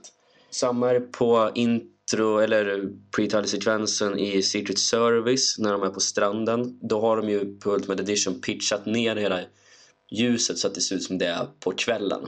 Medan den är ju tidigt på morgonen. Eller i gryningen. Och det har de återställt igen till nya 4K-utgåvan att det är tidig morgon igen. Så det de har petat i kring 2006, när Ultimate Edition kom, det har de ju ändå återställt. Det är väl de jag kommer på så här på rak arm. Sen är det säkert fler små förändringar. Den stora de pratade om, minns jag i den här Ultimate Edition-dokumentären, var ju att när eh, Bond slåss i den här logen i The Man with the Golden Gun så stöter han ju till, eller Roger Moore stöter ju till den här spegeln så att man ser kameracrewet i spegelbilden. Eh, om ni minns vilken scen jag menar. Och där, där pratar de om att gå in och digitalt retuschera bort kameramännen. Men det gjorde de ju inte. Och det tycker jag är charmigt att de lät det liksom bestå. Så det var väl den stora liksom, där de hade faktiskt gått in och petat. Men det gjorde de inte. Jag vill minnas en sak som du har nämnt Emanuel i den här podcasten. Som jag, som jag vägrar tro på. Uh -huh. eh, det är, du, vill häv, du har hävdat i något avsnitt jag minns inte vilket. Mm. du har hävdat mycket. Ja, ja, men att jag tror att du sa att de gjorde det inför, det måste ha varit special edition. För det, du sa att det fanns bara med på VHS-utgåvorna. Mm, just det. I From Russia With Love. Ja. Så hävdar du att eh, när Bond möter Grant och de har tågljudet så man hör inte den här eh, Do you have... Um... Can I borrow a match? Ja, exakt. Can I borrow a match? I use a lighter. Det, den vad heter det, dialogen hör man inte på grund av tågljudet och du hävdar att det la de till i, på DVD-erna. Ja, alltså, ja, exakt. Jag satt och tänkte på det nu när jag hörde frågan. Jag är helt övertygad om att jag såg det när jag var liten. Men jag har liksom försökt leta runt och hittar inget som stöder det. Så förmodligen så vad heter det, Mandela-effekt. När man tror man har ja, sett eller exakt. hört någonting men man har inte gjort det. Men jag blir så jäkla frustrerad för jag har så otroligt konkreta minnen av att jag har hört det. Vilket nu när, man ser, när jag ser scenen så vill jag liksom höra det. Men så, ja, det har ju förmodligen inte hänt utan det är bara att när jag var liten och såg det på VHS så, så vill jag väl höra någonting. Men jag har ju inte VHS som kunnat backa upp det varken hit eller dit. Eh, nej, och jag, som sagt, jag vägrar tro på det. Jag, mm. jag tror bara du, du ljuger lite där. Ja, exakt. eh, Peter har en sista fråga. Om det kommer en ny Bondfilm, vilket vi ändå får hoppas att det gör då, eh, får jag väl lägga in. Eh, gör ni comeback då? Sannolikt inte, med tanke på att det är många år eh, framåt. Ja, för tidigt att svara på. Ja. Alltså det är ju inte helt omöjligt. Vi säger ju inte nej nu, men vi säger definitivt inte ja. Vem vet, så kan man säga. Jävla politikersvar, men eh, jag vill verkligen inte, jag vill verkligen inte liksom förneka att vi aldrig kommer göra en ny, ett nytt avsnitt av den här podden någonsin igen. Men nej. nej. Just nu känns det otroligt. Ja, vi har en till fråga som handlar om det så vi kan gå in lite mer på det. Men eh, då undrar Edvin Adolfsson, vilken regissör hade ni velat se som regissör till en Bondfilm innan Craig-eran och under vilket decennium eller specifik Bondfilm hade hen passat i? Alltså, ja, man får välja fritt. Alltså, antar jag att han menar. Här finns det ju ändå en... Eh, här finns det ju ändå mycket att diskutera, vilket är kul. Alltså, skulle jag välja specifikt till Craig-eran som ändå var realistiskt då är det ju typ Denis Villeneuve. Det, det är ett ganska tråkigt svar, men jag, och jag är fortfarande taggad på idén av att se han göra en Bondfilm någon gång. Och det känns som att hans stil och sätt att göra film skulle passa rätt bra med Bond-världen också. Så när det gäller trade så är det väl han ändå. Bubblare är väl på samma spår Nolan, antar jag. Eh, den andra delen av frågan blir svårare så den måste jag fundera på. Så jag lämnar över ordet till någon annan. Första delen av frågan var väl innan Craig Jaha, ja men då var det andra delen som var enkel. Alltså jag har ju... Det finns ju så många regissörer mm. men jag hade nog ändå valt... Jag har ändå två kanske? Regissörer. Dels eh, hade jag ju gärna sett eh, Hitchcock göra en Bondfilm. Ja, men det är en sån på, klassiker. Det, det hade varit häftigt. Ja. Tyvärr så hade det ju blivit med, eh, med Cary Grant eller någon annan sopa som inte kunde spela Bond. Men, men, eh, eller Jimmy Stewart eller någon. Eh, väldigt trevliga människor, men eh, inte Bond. Men eh, i, på 60-talet kanske någon gång. From Russia With Love eller något som fortfarande är en bra Bondfilm. Men om det hade kommit någon Bondfilm 66 kanske. hade jag gärna sett en Hitchcock-regisserad film. Men annars är det ju... Jag hade väldigt gärna sett en Michael Mann-regisserad Bondfilm. På, eh, om Dalton hade gjort sin tredje och så hade Michael Mann regisserat den. En riktigt tight, alltså hit-osande eh, Bondfilm. Kom, liksom tight jävla film. Snyggt fotad. Riktigt... Eh, riktig jävla thriller bara. Hade varit otroligt med regi av Michael Mann. Det hade jag gillat. Alltså Hitchcock är ju en sån som är den klassiska och ska man då titta på vad det är för filmer han hade kunnat göra så är det ju den jag tror han hade kunnat gjort bäst.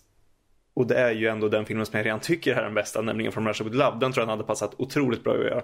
Alternativt då om man får lyfta in saker som inte har blivit av, men kan man tänka sig att de hade gjort Casino Real tidig Craig-era så hade han nog också kunnat gjort den jävligt bra. För jag tror han hade kunnat få in otroligt mycket spänning i den boken som kanske ändå är ganska... Du menar Connery-eran? Ja, exakt. I tidig Connery-era. Eh, att lyfta in Casino Real i en tidig Con Connery-era eh, så tror jag att han hade kunnat få in ganska mycket spänning och någon form av Ja men eh, verkligen en spänning till en bok som kanske inte är så visuell och så hade, som inte riktigt passar filmmediet på det här sättet. Men jag tror att eh, Hitchcock hade verkligen löst det på samma sätt som jag tror han hade löst From Russia With Love jätte, jättebra. Och som är jätte, jättebra. Men jag tror han hade gjort det väldigt bra. Om man ska ta specifika Bondfilmer.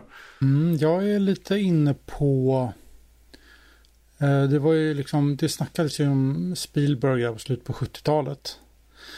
Men jag är ändå väldigt nöjd med liksom vad Lewis Gilbert gjorde där och då. Och jag är väldigt nöjd med vad John Glenn gjorde For Your Eyes Only. Och jag är väldigt nöjd med vad han gjorde med The Living Daylights också. Men Spielberg med Daltons två filmer hade varit väldigt intressant att se.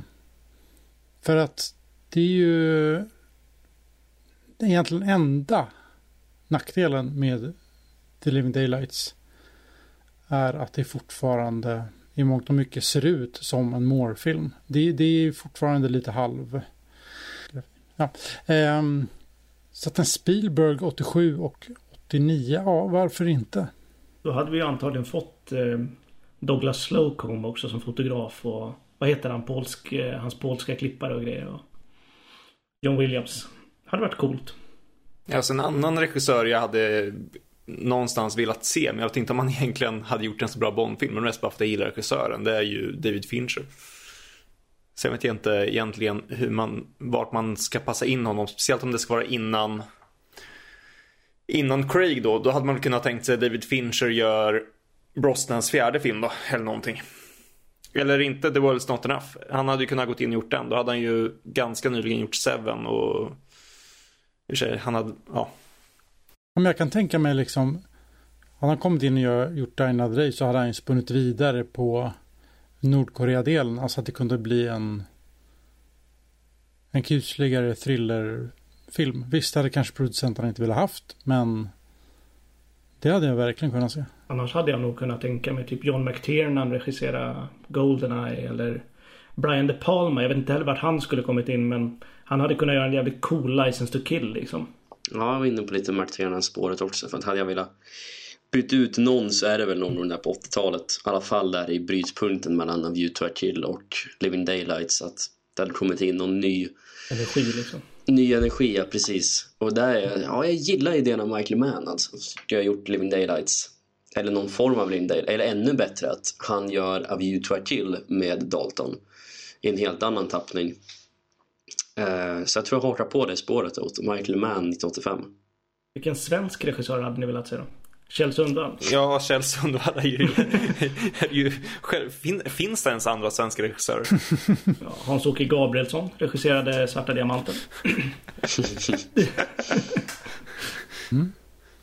Alltså hade ni frågat mig för eh, fem år sedan så hade ju... Ja, precis. Mm.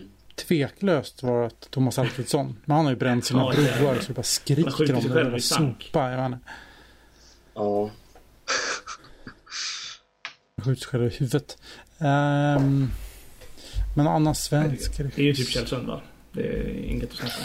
Jag vet faktiskt inte. Han gör Tomorrow Never Dies. Exakt. Bara kommer in. Ja, exakt. Kjell Sundvall kommer in på Tomorrow Never Dies och bara gör en bara helgjuten jävla Bondfilm. Åh! Man kan ändå se honom stå där på, um, i pre-titeln på någon behind the scenes klipp. Och bara stå och skrika action! Och så är det Gupta där och håller på och grejer och jävlar vad Kjell Sundvall hade bara gått rätt in i den. Ja, det känns ändå som att Brosnan och Kjell Sundvall hade gått bra ihop. De hade gillat varandra. Jag tror också det. Jävlar Kjell, kom igen! Jag älskar Kjell Sundvall. Ja, jag med. Edvin har en till fråga. Som är en liknande fråga. Vilken skådespelare hade passat till ett kvinnligt intresse respektive skurk i de tidigare filmerna? Och sen, tack för er fantastiska podd. Tack så mycket till Edvin, säger vi för de orden och för frågorna. Det här känns som att det är en fråga som man, de här fil, de, eh, när man ser lite äldre filmer så dyker de upp ibland de här skådespelarna. Men sen liksom lite tappar man bort dem. Åh! Skurk då, inte kvinnligt intresse. Omar Sharif. Ja, Oh, det är- oh, oh, jävlar, där sa du något. det är schackmatt på den frågan. Alltså. Ja, Ja, faktiskt. det är bara att lägga ner. Alla andra alternativ blir, blir icke, icke valbara, känner jag. Jag har ju, vad heter hon? Jag har tappat minnet nu. Som jag gärna hade sett spelat typ Tracy kanske. Nu spelas hon ju briljant redan av Diana Rigg. Men hon som är med i... ehm, eh, visst är det den gode, den onde, den fule? Nej, det är Once upon a time. Once upon a time in the West. Ja, jag Eh. exakt när jag tänkte på. Vad heter hon, skådisen? Är det Claudia Eh. Cardinale? Claudia Cardinale, just det. Åh, spelar Tracy som en riktigt jävla... Ännu mera liksom eld bara i karaktären. Och ännu mera Ja. liksom driv i... Hon känns ju som att hon skulle kunna ha varit Gabriele Farsettis dotter på riktigt. Och det är ju, ja, hon skulle passat otroligt bra i den filmen. Ja, Jag tänkte nästan Catherine Deneuve istället som Tracy. Ja, kanske det. Men annars har väl sett eh, Peter Lorre få en chans i en riktig Bondfilm. Det, alltså, det är ju, precis som Klaus Maria Brandau så är det ju två skådespelare som har den där it-faktorn som hade kunnat gjort sig väldigt bra i Bondfilmerna som så. Jag hade kunnat sett Peter Lorre i valfri film på 60-talet egentligen. Eh, hade de gjort en riktig adaption av Casino Real så hade han ju varit klockren och spela Le Chiffre. Ehm, så ja, han är väl också ett bra val. Ska man ta eh, dansktemat fast eh, danskarna tog över ännu tidigare och man får Thomas Bo Larsen som Renard? Åh, Åh, herregud. Jag vet inte om det var positivt eller negativt från Emanuel. Ah, Alltså jag bara... Då hade ju Duel Enough legat topp tre direkt sen om det hade skett. Alltså, ja. Jag vet inte. Jag har ändå... Hans, eh, hans ögon förtjänar en Bondfilm. Nej, alltså jag vet inte riktigt. Det där med skurkarna är fan svårt. För det finns ändå en del bra skådisar liksom. Men jag vet fan vem vi kan ta. Yes, ska vi gå vidare till nästa fråga? Och då har vi fått en fråga som inte finns med i körschemat men som Rickard har koll på. Eh, vi fick en sista minuten-fråga här eh, på Instagram från, ska vi se, Anders Birgander. Tänker några eller någon av er fortsätta med någon annan podd? Musikavsnitten till exempel var riktigt bra. Så är någon filmmusik kanske? Jag har ju redan eh, gjort klart ett kontrakt på fem år med Bondpodden så um, nej, det har jag inte. nej, jag, jag har nog ingen plan på Om man det. säger så här, alltså. Nej men. Eh, just. eh, Man har ju upptäckt att podda är jävligt kul. Och det finns många ämnen som har varit kul att prata om.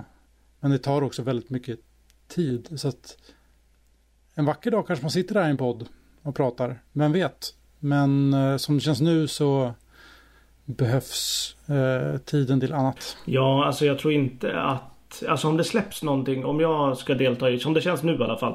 Det är väl det enda man kan ha som kompass. Eh, och riktningen framåt liksom. Men, eh, men som det känns nu så känns det som att ska jag vara med i någon podd och göra ett avsnitt till med någon så är det ju mer. Jag kommer ju inte dra igång en helt ny podd med någon annan med ny logga och ny planering och ny eh, dynamik och det har jag varken lust eller tid med liksom. Men kommer det något nytt så är det ju i tids, tid för podds eh, eh regi så att säga.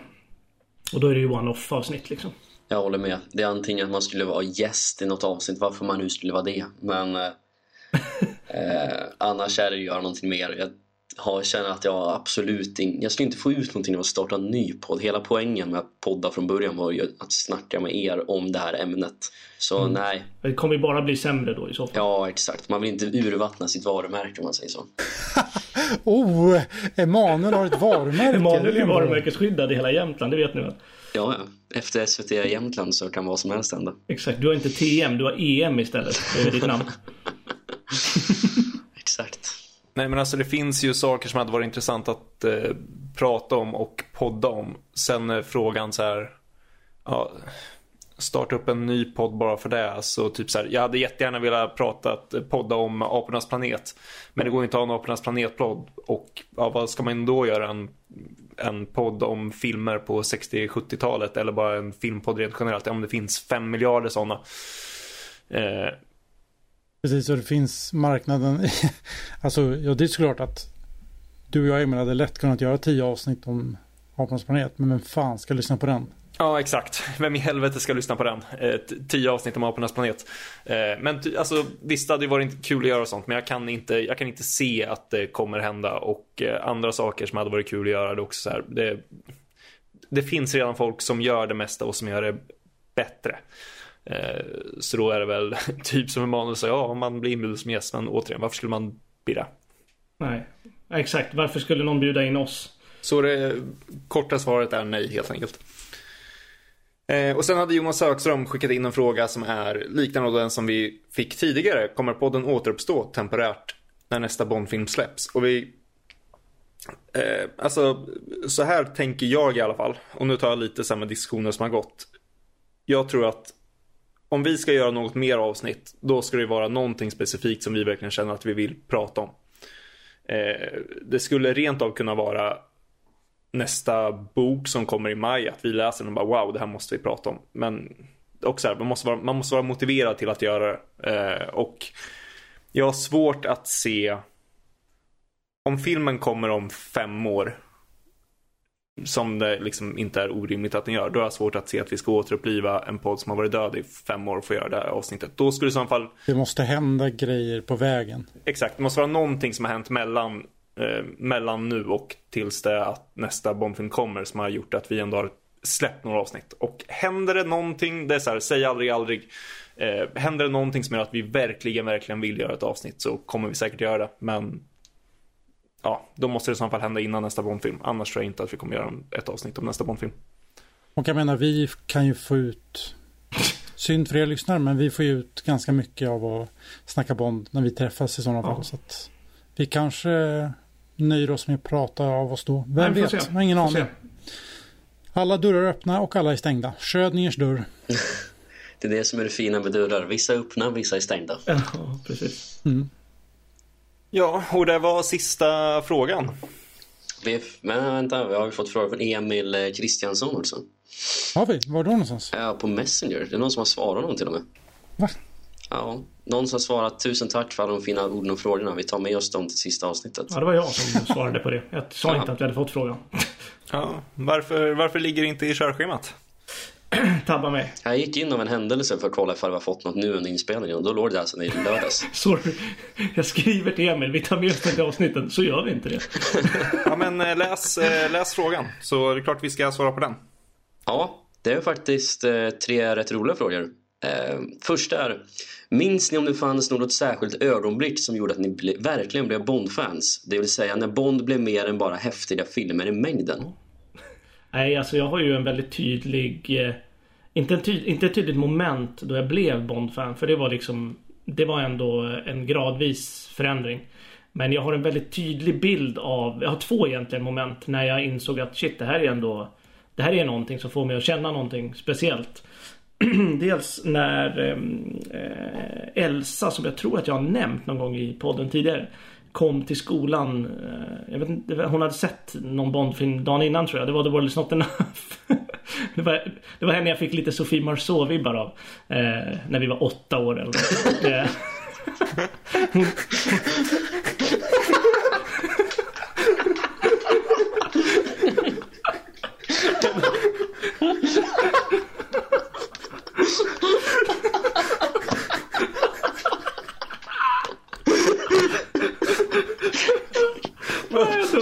Åtta år. Åtta år och man går runt och får Sofie Marceau-vibbar av andra åttaåringar. Det är fantastiskt, det är det bästa jag har hört. Det sjuka är ju dock, det sjuka är ju dock att när jag var åtta så var jag en jävla busig ungjävel i skolan. Jag snackade för mycket på, sko i, på skolan, jag snackade för mycket i klassen och allting. Så så fort jag var lite jobbig så, så körde hon, jag kan ha hittat på det men jag tror inte det. För jag har väldigt starkt minne av att hon gick fram, snärtade med fingret framför ansiktet och sa drop the act någon gång. Nej, det kan hon inte ha gjort. Jo, men vi, vi pratade allvarligt talat om Hon, hon, hon, har, hon vet jag har sagt Drop the Act flera gånger i, eh, Efter hon såg Dårningsnoppen Och där minns jag att det var sjukt tydligt att jag bara shit Vad eh, coolt ändå Är det så här det känns att bli vuxen tänkte du då? Ja, kanske. Och sen det andra momentet var när jag, min, min mamma och eh, familjekompisen som jag också berättade om tidigare, men hennes ehm, eh, bror, storebror Magnus, som satt i bilen och eh, sa bara Du vet att det har kommit en ny Bondfilm va? Eh, då var det ju 2002, Die Another Day och han bara Jag kan ju ladda ner den och bränna till det om du vill Och då kände jag så här, vad fan gör det? Sen gjorde han aldrig det. Men eh, då, hyrde, då, då hyrde jag den istället. Eh, när jag var ute på deras landställe. Och då hyrde, hyrde vi den varje dag. Fredag, lördag, söndag. Så vi åkte tillbaka, lämnade in och betalade lite mer och sen kom vi tillbaka. Så jag stod en tre dagar i rad där. Det var två moment som hände. Det är sjukt att de två filmerna har fått mig att bli Bond-fan. Var det inte du som gick runt och sa There's no point in living if you can't feel alive också? Jo, men det mottot, det tycker jag, jag tycker på allvar att det är ett bra citat. Mm. Men jag kan väl bara då spinna vidare på The World's Not Enough. Och den här storyn har jag dragit tidigare. Eh, det är inte på grund av det här det var inte det som gjorde att jag blev ett Bond-fan, men utan det så hade jag inte blivit ett Bond-fan. Och det är, eh, jag hade The World's Not Enough på VHS och innan filmen började så var det liksom en eh, trailer för då hade de släppt eh, ja, för alla gamla Bond-filmer. Så det var ju massa klipp på från alla gamla filmer och det var klippet från Do You Expect Me To Talk, eh, No I Expect You To Die och det var så här, bara massa klipp från ikoniska filmer. Eh, ikoniska moment från de gamla filmerna. Och när jag satt och tittade på det där då fattade jag precis som frågan var, eh, om jag minns den rätt. Det var då jag insåg att Bond-serien är någonting helt annat. Eh, och det var inte det som gjorde att jag blev ett att jag, jag blev inte ett Bond-fan där och då för jag hade ju inte sett det här. Men jag tror att utan den trailern som jag satt och tittade på och var helt förförd av alla de här klippen från de gamla filmerna så tror jag inte att jag hade sökt mig vidare till att titta på de andra Bond-filmerna. Ja, precis. För mig var det ju som ni alla vet, Crop of Tomorrow Never Dies 1405 liksom och se hamburgscenerna nere där på lagret när Brosnan går med ena handen i fickan och blir beskjuten och slänger sig på den lilla pallen och så Bond-temat spelas. Så, ja, jag kan verkligen dela in mitt liv före och efter jag såg den sekvensen. Um, och sen liksom i samma veva när jag låna James Bond Legacy och sitter och bläddrar igenom den boken och bara ser alla bilder från Roger Moores filmer, från Connerys filmer och bara Ja, jag minns det som en... Jag hade inte sett filmerna men jag kände så instinktivt att jag måste veta mer. Jag måste se de här filmerna. Så att spänningen när jag gick runt där ett par månader och såg filmerna gradvis var helt otroligt. Man så här, kunde bocka av i den boken. Ja, nu har jag sett den filmen, nu har jag sett den filmen och bara kände att ja, men på riktigt en ny värld öppnades upp framför en när man var 8-9 år. Det är jäkla mäktigt och den känslan kan jag ibland få. Jag fick den nu här inför No Time To Die. Så här, oj, där kom den lilla känslan där borta, bara för ett ögonblick.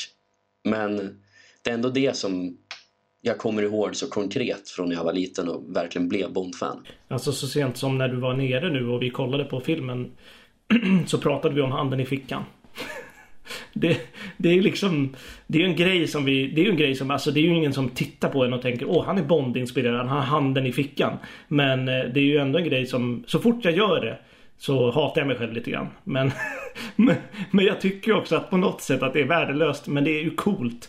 Fan. Alltså, Ja. Ibland kan man också dra den, man, handen i fickan och så vänder man sig om lite när man går någonstans.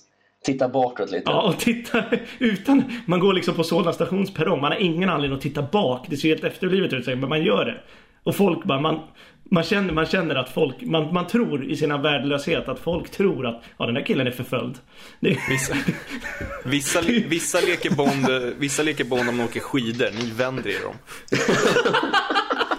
ja, men det är ju typ så. Man tror ju att man är så jävla cool och så är man bara värdelös. Man kan liksom titta in i ett skyltfönster och squinta lite. Ja, ex- ja, uff. ja, senast idag squintade jag lite faktiskt. Det kändes bra. det är klart du gjort. Ja, Rickard, har du något? Det är svårt det där vad som det finns något speciellt. Men alltså just det där. När jag började upptäcka att det fanns Bondfilmer. Då var jag helt liksom ointresserad av, av film. Så att det där med frågan liksom att var, när Bondfilmer stack ut i mängden och inte bara var actionfilmer. För mig kom liksom Bondfilmer först och sen kom filmintresset på något sätt. Så för mig har alltid Bondfilmerna stuckit ut lite. Ehm, och det är en väldigt bara röra i huvudet de här första åren när man såg alla olika Bondfilmer och jag minns inte vilka jag såg när. Det är bara, ja, jag tog det jag hittade på något sätt. Men liksom ett sånt liksom moment när jag, som jag fortfarande minns väldigt, väldigt tydligt. Det är ju när jag upptäckte Bokbond. När jag första gången läste en Bondroman. Och tyvärr så var det ju en Raymond Benson-bok. men, eh, eh, men det var 2001 och det, det tror jag ändå blev en ganska tydlig vändning. För det var det var det tillsammans med att liksom inspelningen av Die Another Day drog igång och jag började följa den. De två sakerna är i liksom hand i hand. Eh, blev nog ändå startskottet för min mer ja, djupa fanskap. Grymt. Och eh, vi hade fått flera frågor. Så kör på, Emanuel. Jajamän. Nästa fråga var Vilken Bondfilm har ni sett flest gånger? Måste vara The World's Not Enough, tror jag. Ja, det står nog mellan två stycken. Antingen är det Dr. No eller Secret Service. Eh, Secret Service av den anledningen att jag har sett den väldigt många eh, jular. Det har blivit en liten sån tradition.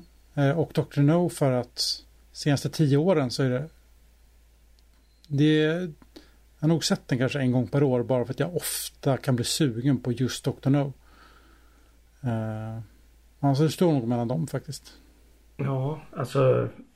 Jag tror fortfarande att det är eh, Spy Love Me. För jag, jag tror inte det kommer förändras eh, om det inte blir så att jag börjar råkolla på någon annan Bondfilm. Men de ökar ju exponentiellt. I alla fall för mig. Eller liksom de ökar ju. Ja, om, om en film ökar så ökar den andra också. Då blir det liksom ingen som drar ifrån. Men The Spy såg jag liksom tre gånger på samma dag. På en julafton 2001. Så att ja, den har jag ju sett liksom. Den måste jag ha sett 50 gånger säkert i livet. Ja, för mig är det ju solklart Quantum of Solace. Alltså det, det har jag ju sagt för Jag hade ju en period när varenda gång jag var ute och drack så kom jag hem och kollade på den och bara somnade till den. Sen tror jag, alltså, det är väl någon av Craigs filmer, en bubblare också Diamonds of Forever för den tittar jag också extremt mycket på en, en kort period. Av någon anledning. Men Quantum of Solace är solklar detta. Ja, det är Jag tror att eh, Quantum of Solace-räknaren eh, har liksom gått eh, liksom genom taket. I- på- Ja, verkligen. Varvet runt. Eh, Ja, och sista frågan från Emil Kristiansson är Vet att ni har avhandlat vilka som är era favoritfilmer men vilka är era favoriter när det kommer till actionfilmer? Utöver Bond såklart. Otto vet jag vad han kommer svara. För. I actiongenren och det är Die Hard. Ja, ditt svar tror jag nog alla vi här hade kunnat eh, säga. Åh, Men det är för att det är den bästa filmen också. Ehm. Ja, jag säger Batman Begins. Just Ja, eh, jag är inne på samma spår där Emil. Jag tror jag måste säga det är antingen Dark Knight eller Inception. Båda är fan bra actionfilmer, alltså ligger väldigt nära, nära hjärtat. Ehm, så någon av de två, jag vågar faktiskt inte välja. Jag kan säga en bubblare och det är att jag är jätteförälskad i Mission Impossible 3. Den tycker jag är fantastisk. Och den är också, den är lite mer renodlad actiongenren än eh, Batman Begins. Det är såklart också en actionfilm men eh, från den mer renodlade actiongenren så kanske Mission Impossible 3 är ett bättre att säga. Eh, än... Men det är också, precis, det är lite svårt det där liksom. Eh, är Jurassic Park en action? Jag säger nej. Någon kanske tycker det. Nej, jag. men det är ju en, jag skulle säga att det är en äventyrsfilm med actioninslag. Men äventyrsfilmer har ju ofta actioninslag. Då skulle man ju kunna välja Raiders of the Lost Ark. Men den tycker jag liksom är en äventyrsfilm snarare än en actionfilm. Det är väl ändå en actionfilm? Men äventyrsfilmsgenren är ju så jävla... Den är ju, det är ju liksom en egen genre. Men det är ju en subgenre inom actiongenren antar jag. Ja, exakt. Jag skulle säga att det är snarare en subgenre. Jag tycker ändå att det faller in under paraplyet actionfilm. Jag är ju väldigt svag för Air Force One också vill jag bara säga. Som en bubblare. Det är någonting med... Ah, det är så jävla snygg ljuddesign och allt är bara bra i den. Ja, då lägger jag till en till då lägger jag till en till bubblare eh, på tal om förra frågan om vilken film vi har sett mest. Jag tror att det här är en av de filmerna jag har sett mest som inte är en Bondfilm och det är The Rock. Ja, just det. Bra. Uff.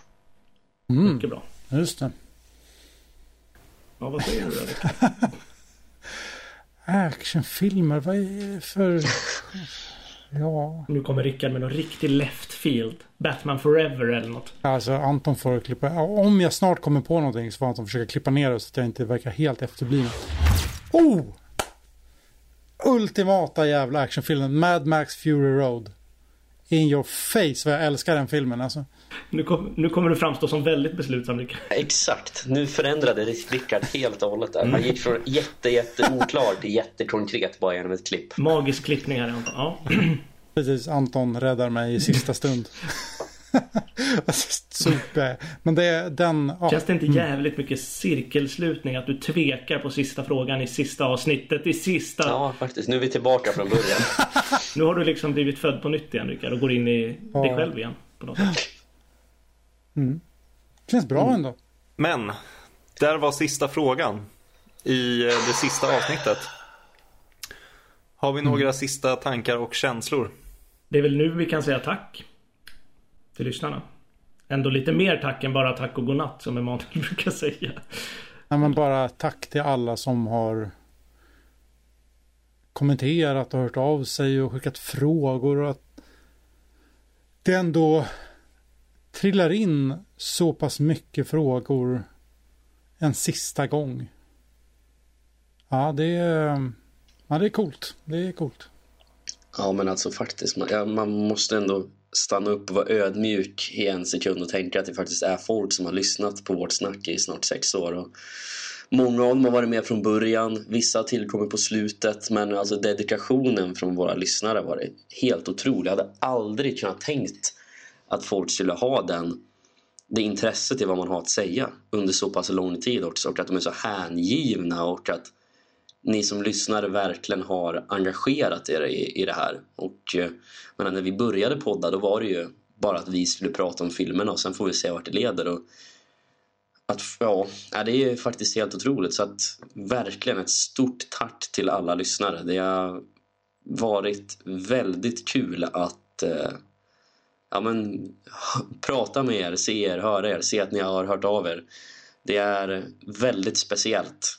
Och att nu runda av och precis som Rickard sa att det har kommit in så pass många frågor nu här på slutet en sista gång. Ja, man måste stanna upp ibland och, eh, och tacka, tacka sin omgivning och ni lyssnare har varit helt otroliga genom de här sex åren. Ja, verkligen. Tack till, tack till alla lyssnare. Och om vi ska stanna upp lite ännu mer, en person som vi brukar tacka i varje avsnitt i och för sig, men tack eh, jättemycket till eh, Thomas Rugg på Agent07.nu. Alltså att han har liksom länkat till varje avsnitt på sin hemsida. Och inte bara det att han har länkat oss under att vi har gjort hela den här podden, utan också att det är ju trots allt tack vare han som vi träffades faktiskt har gjort den här podden.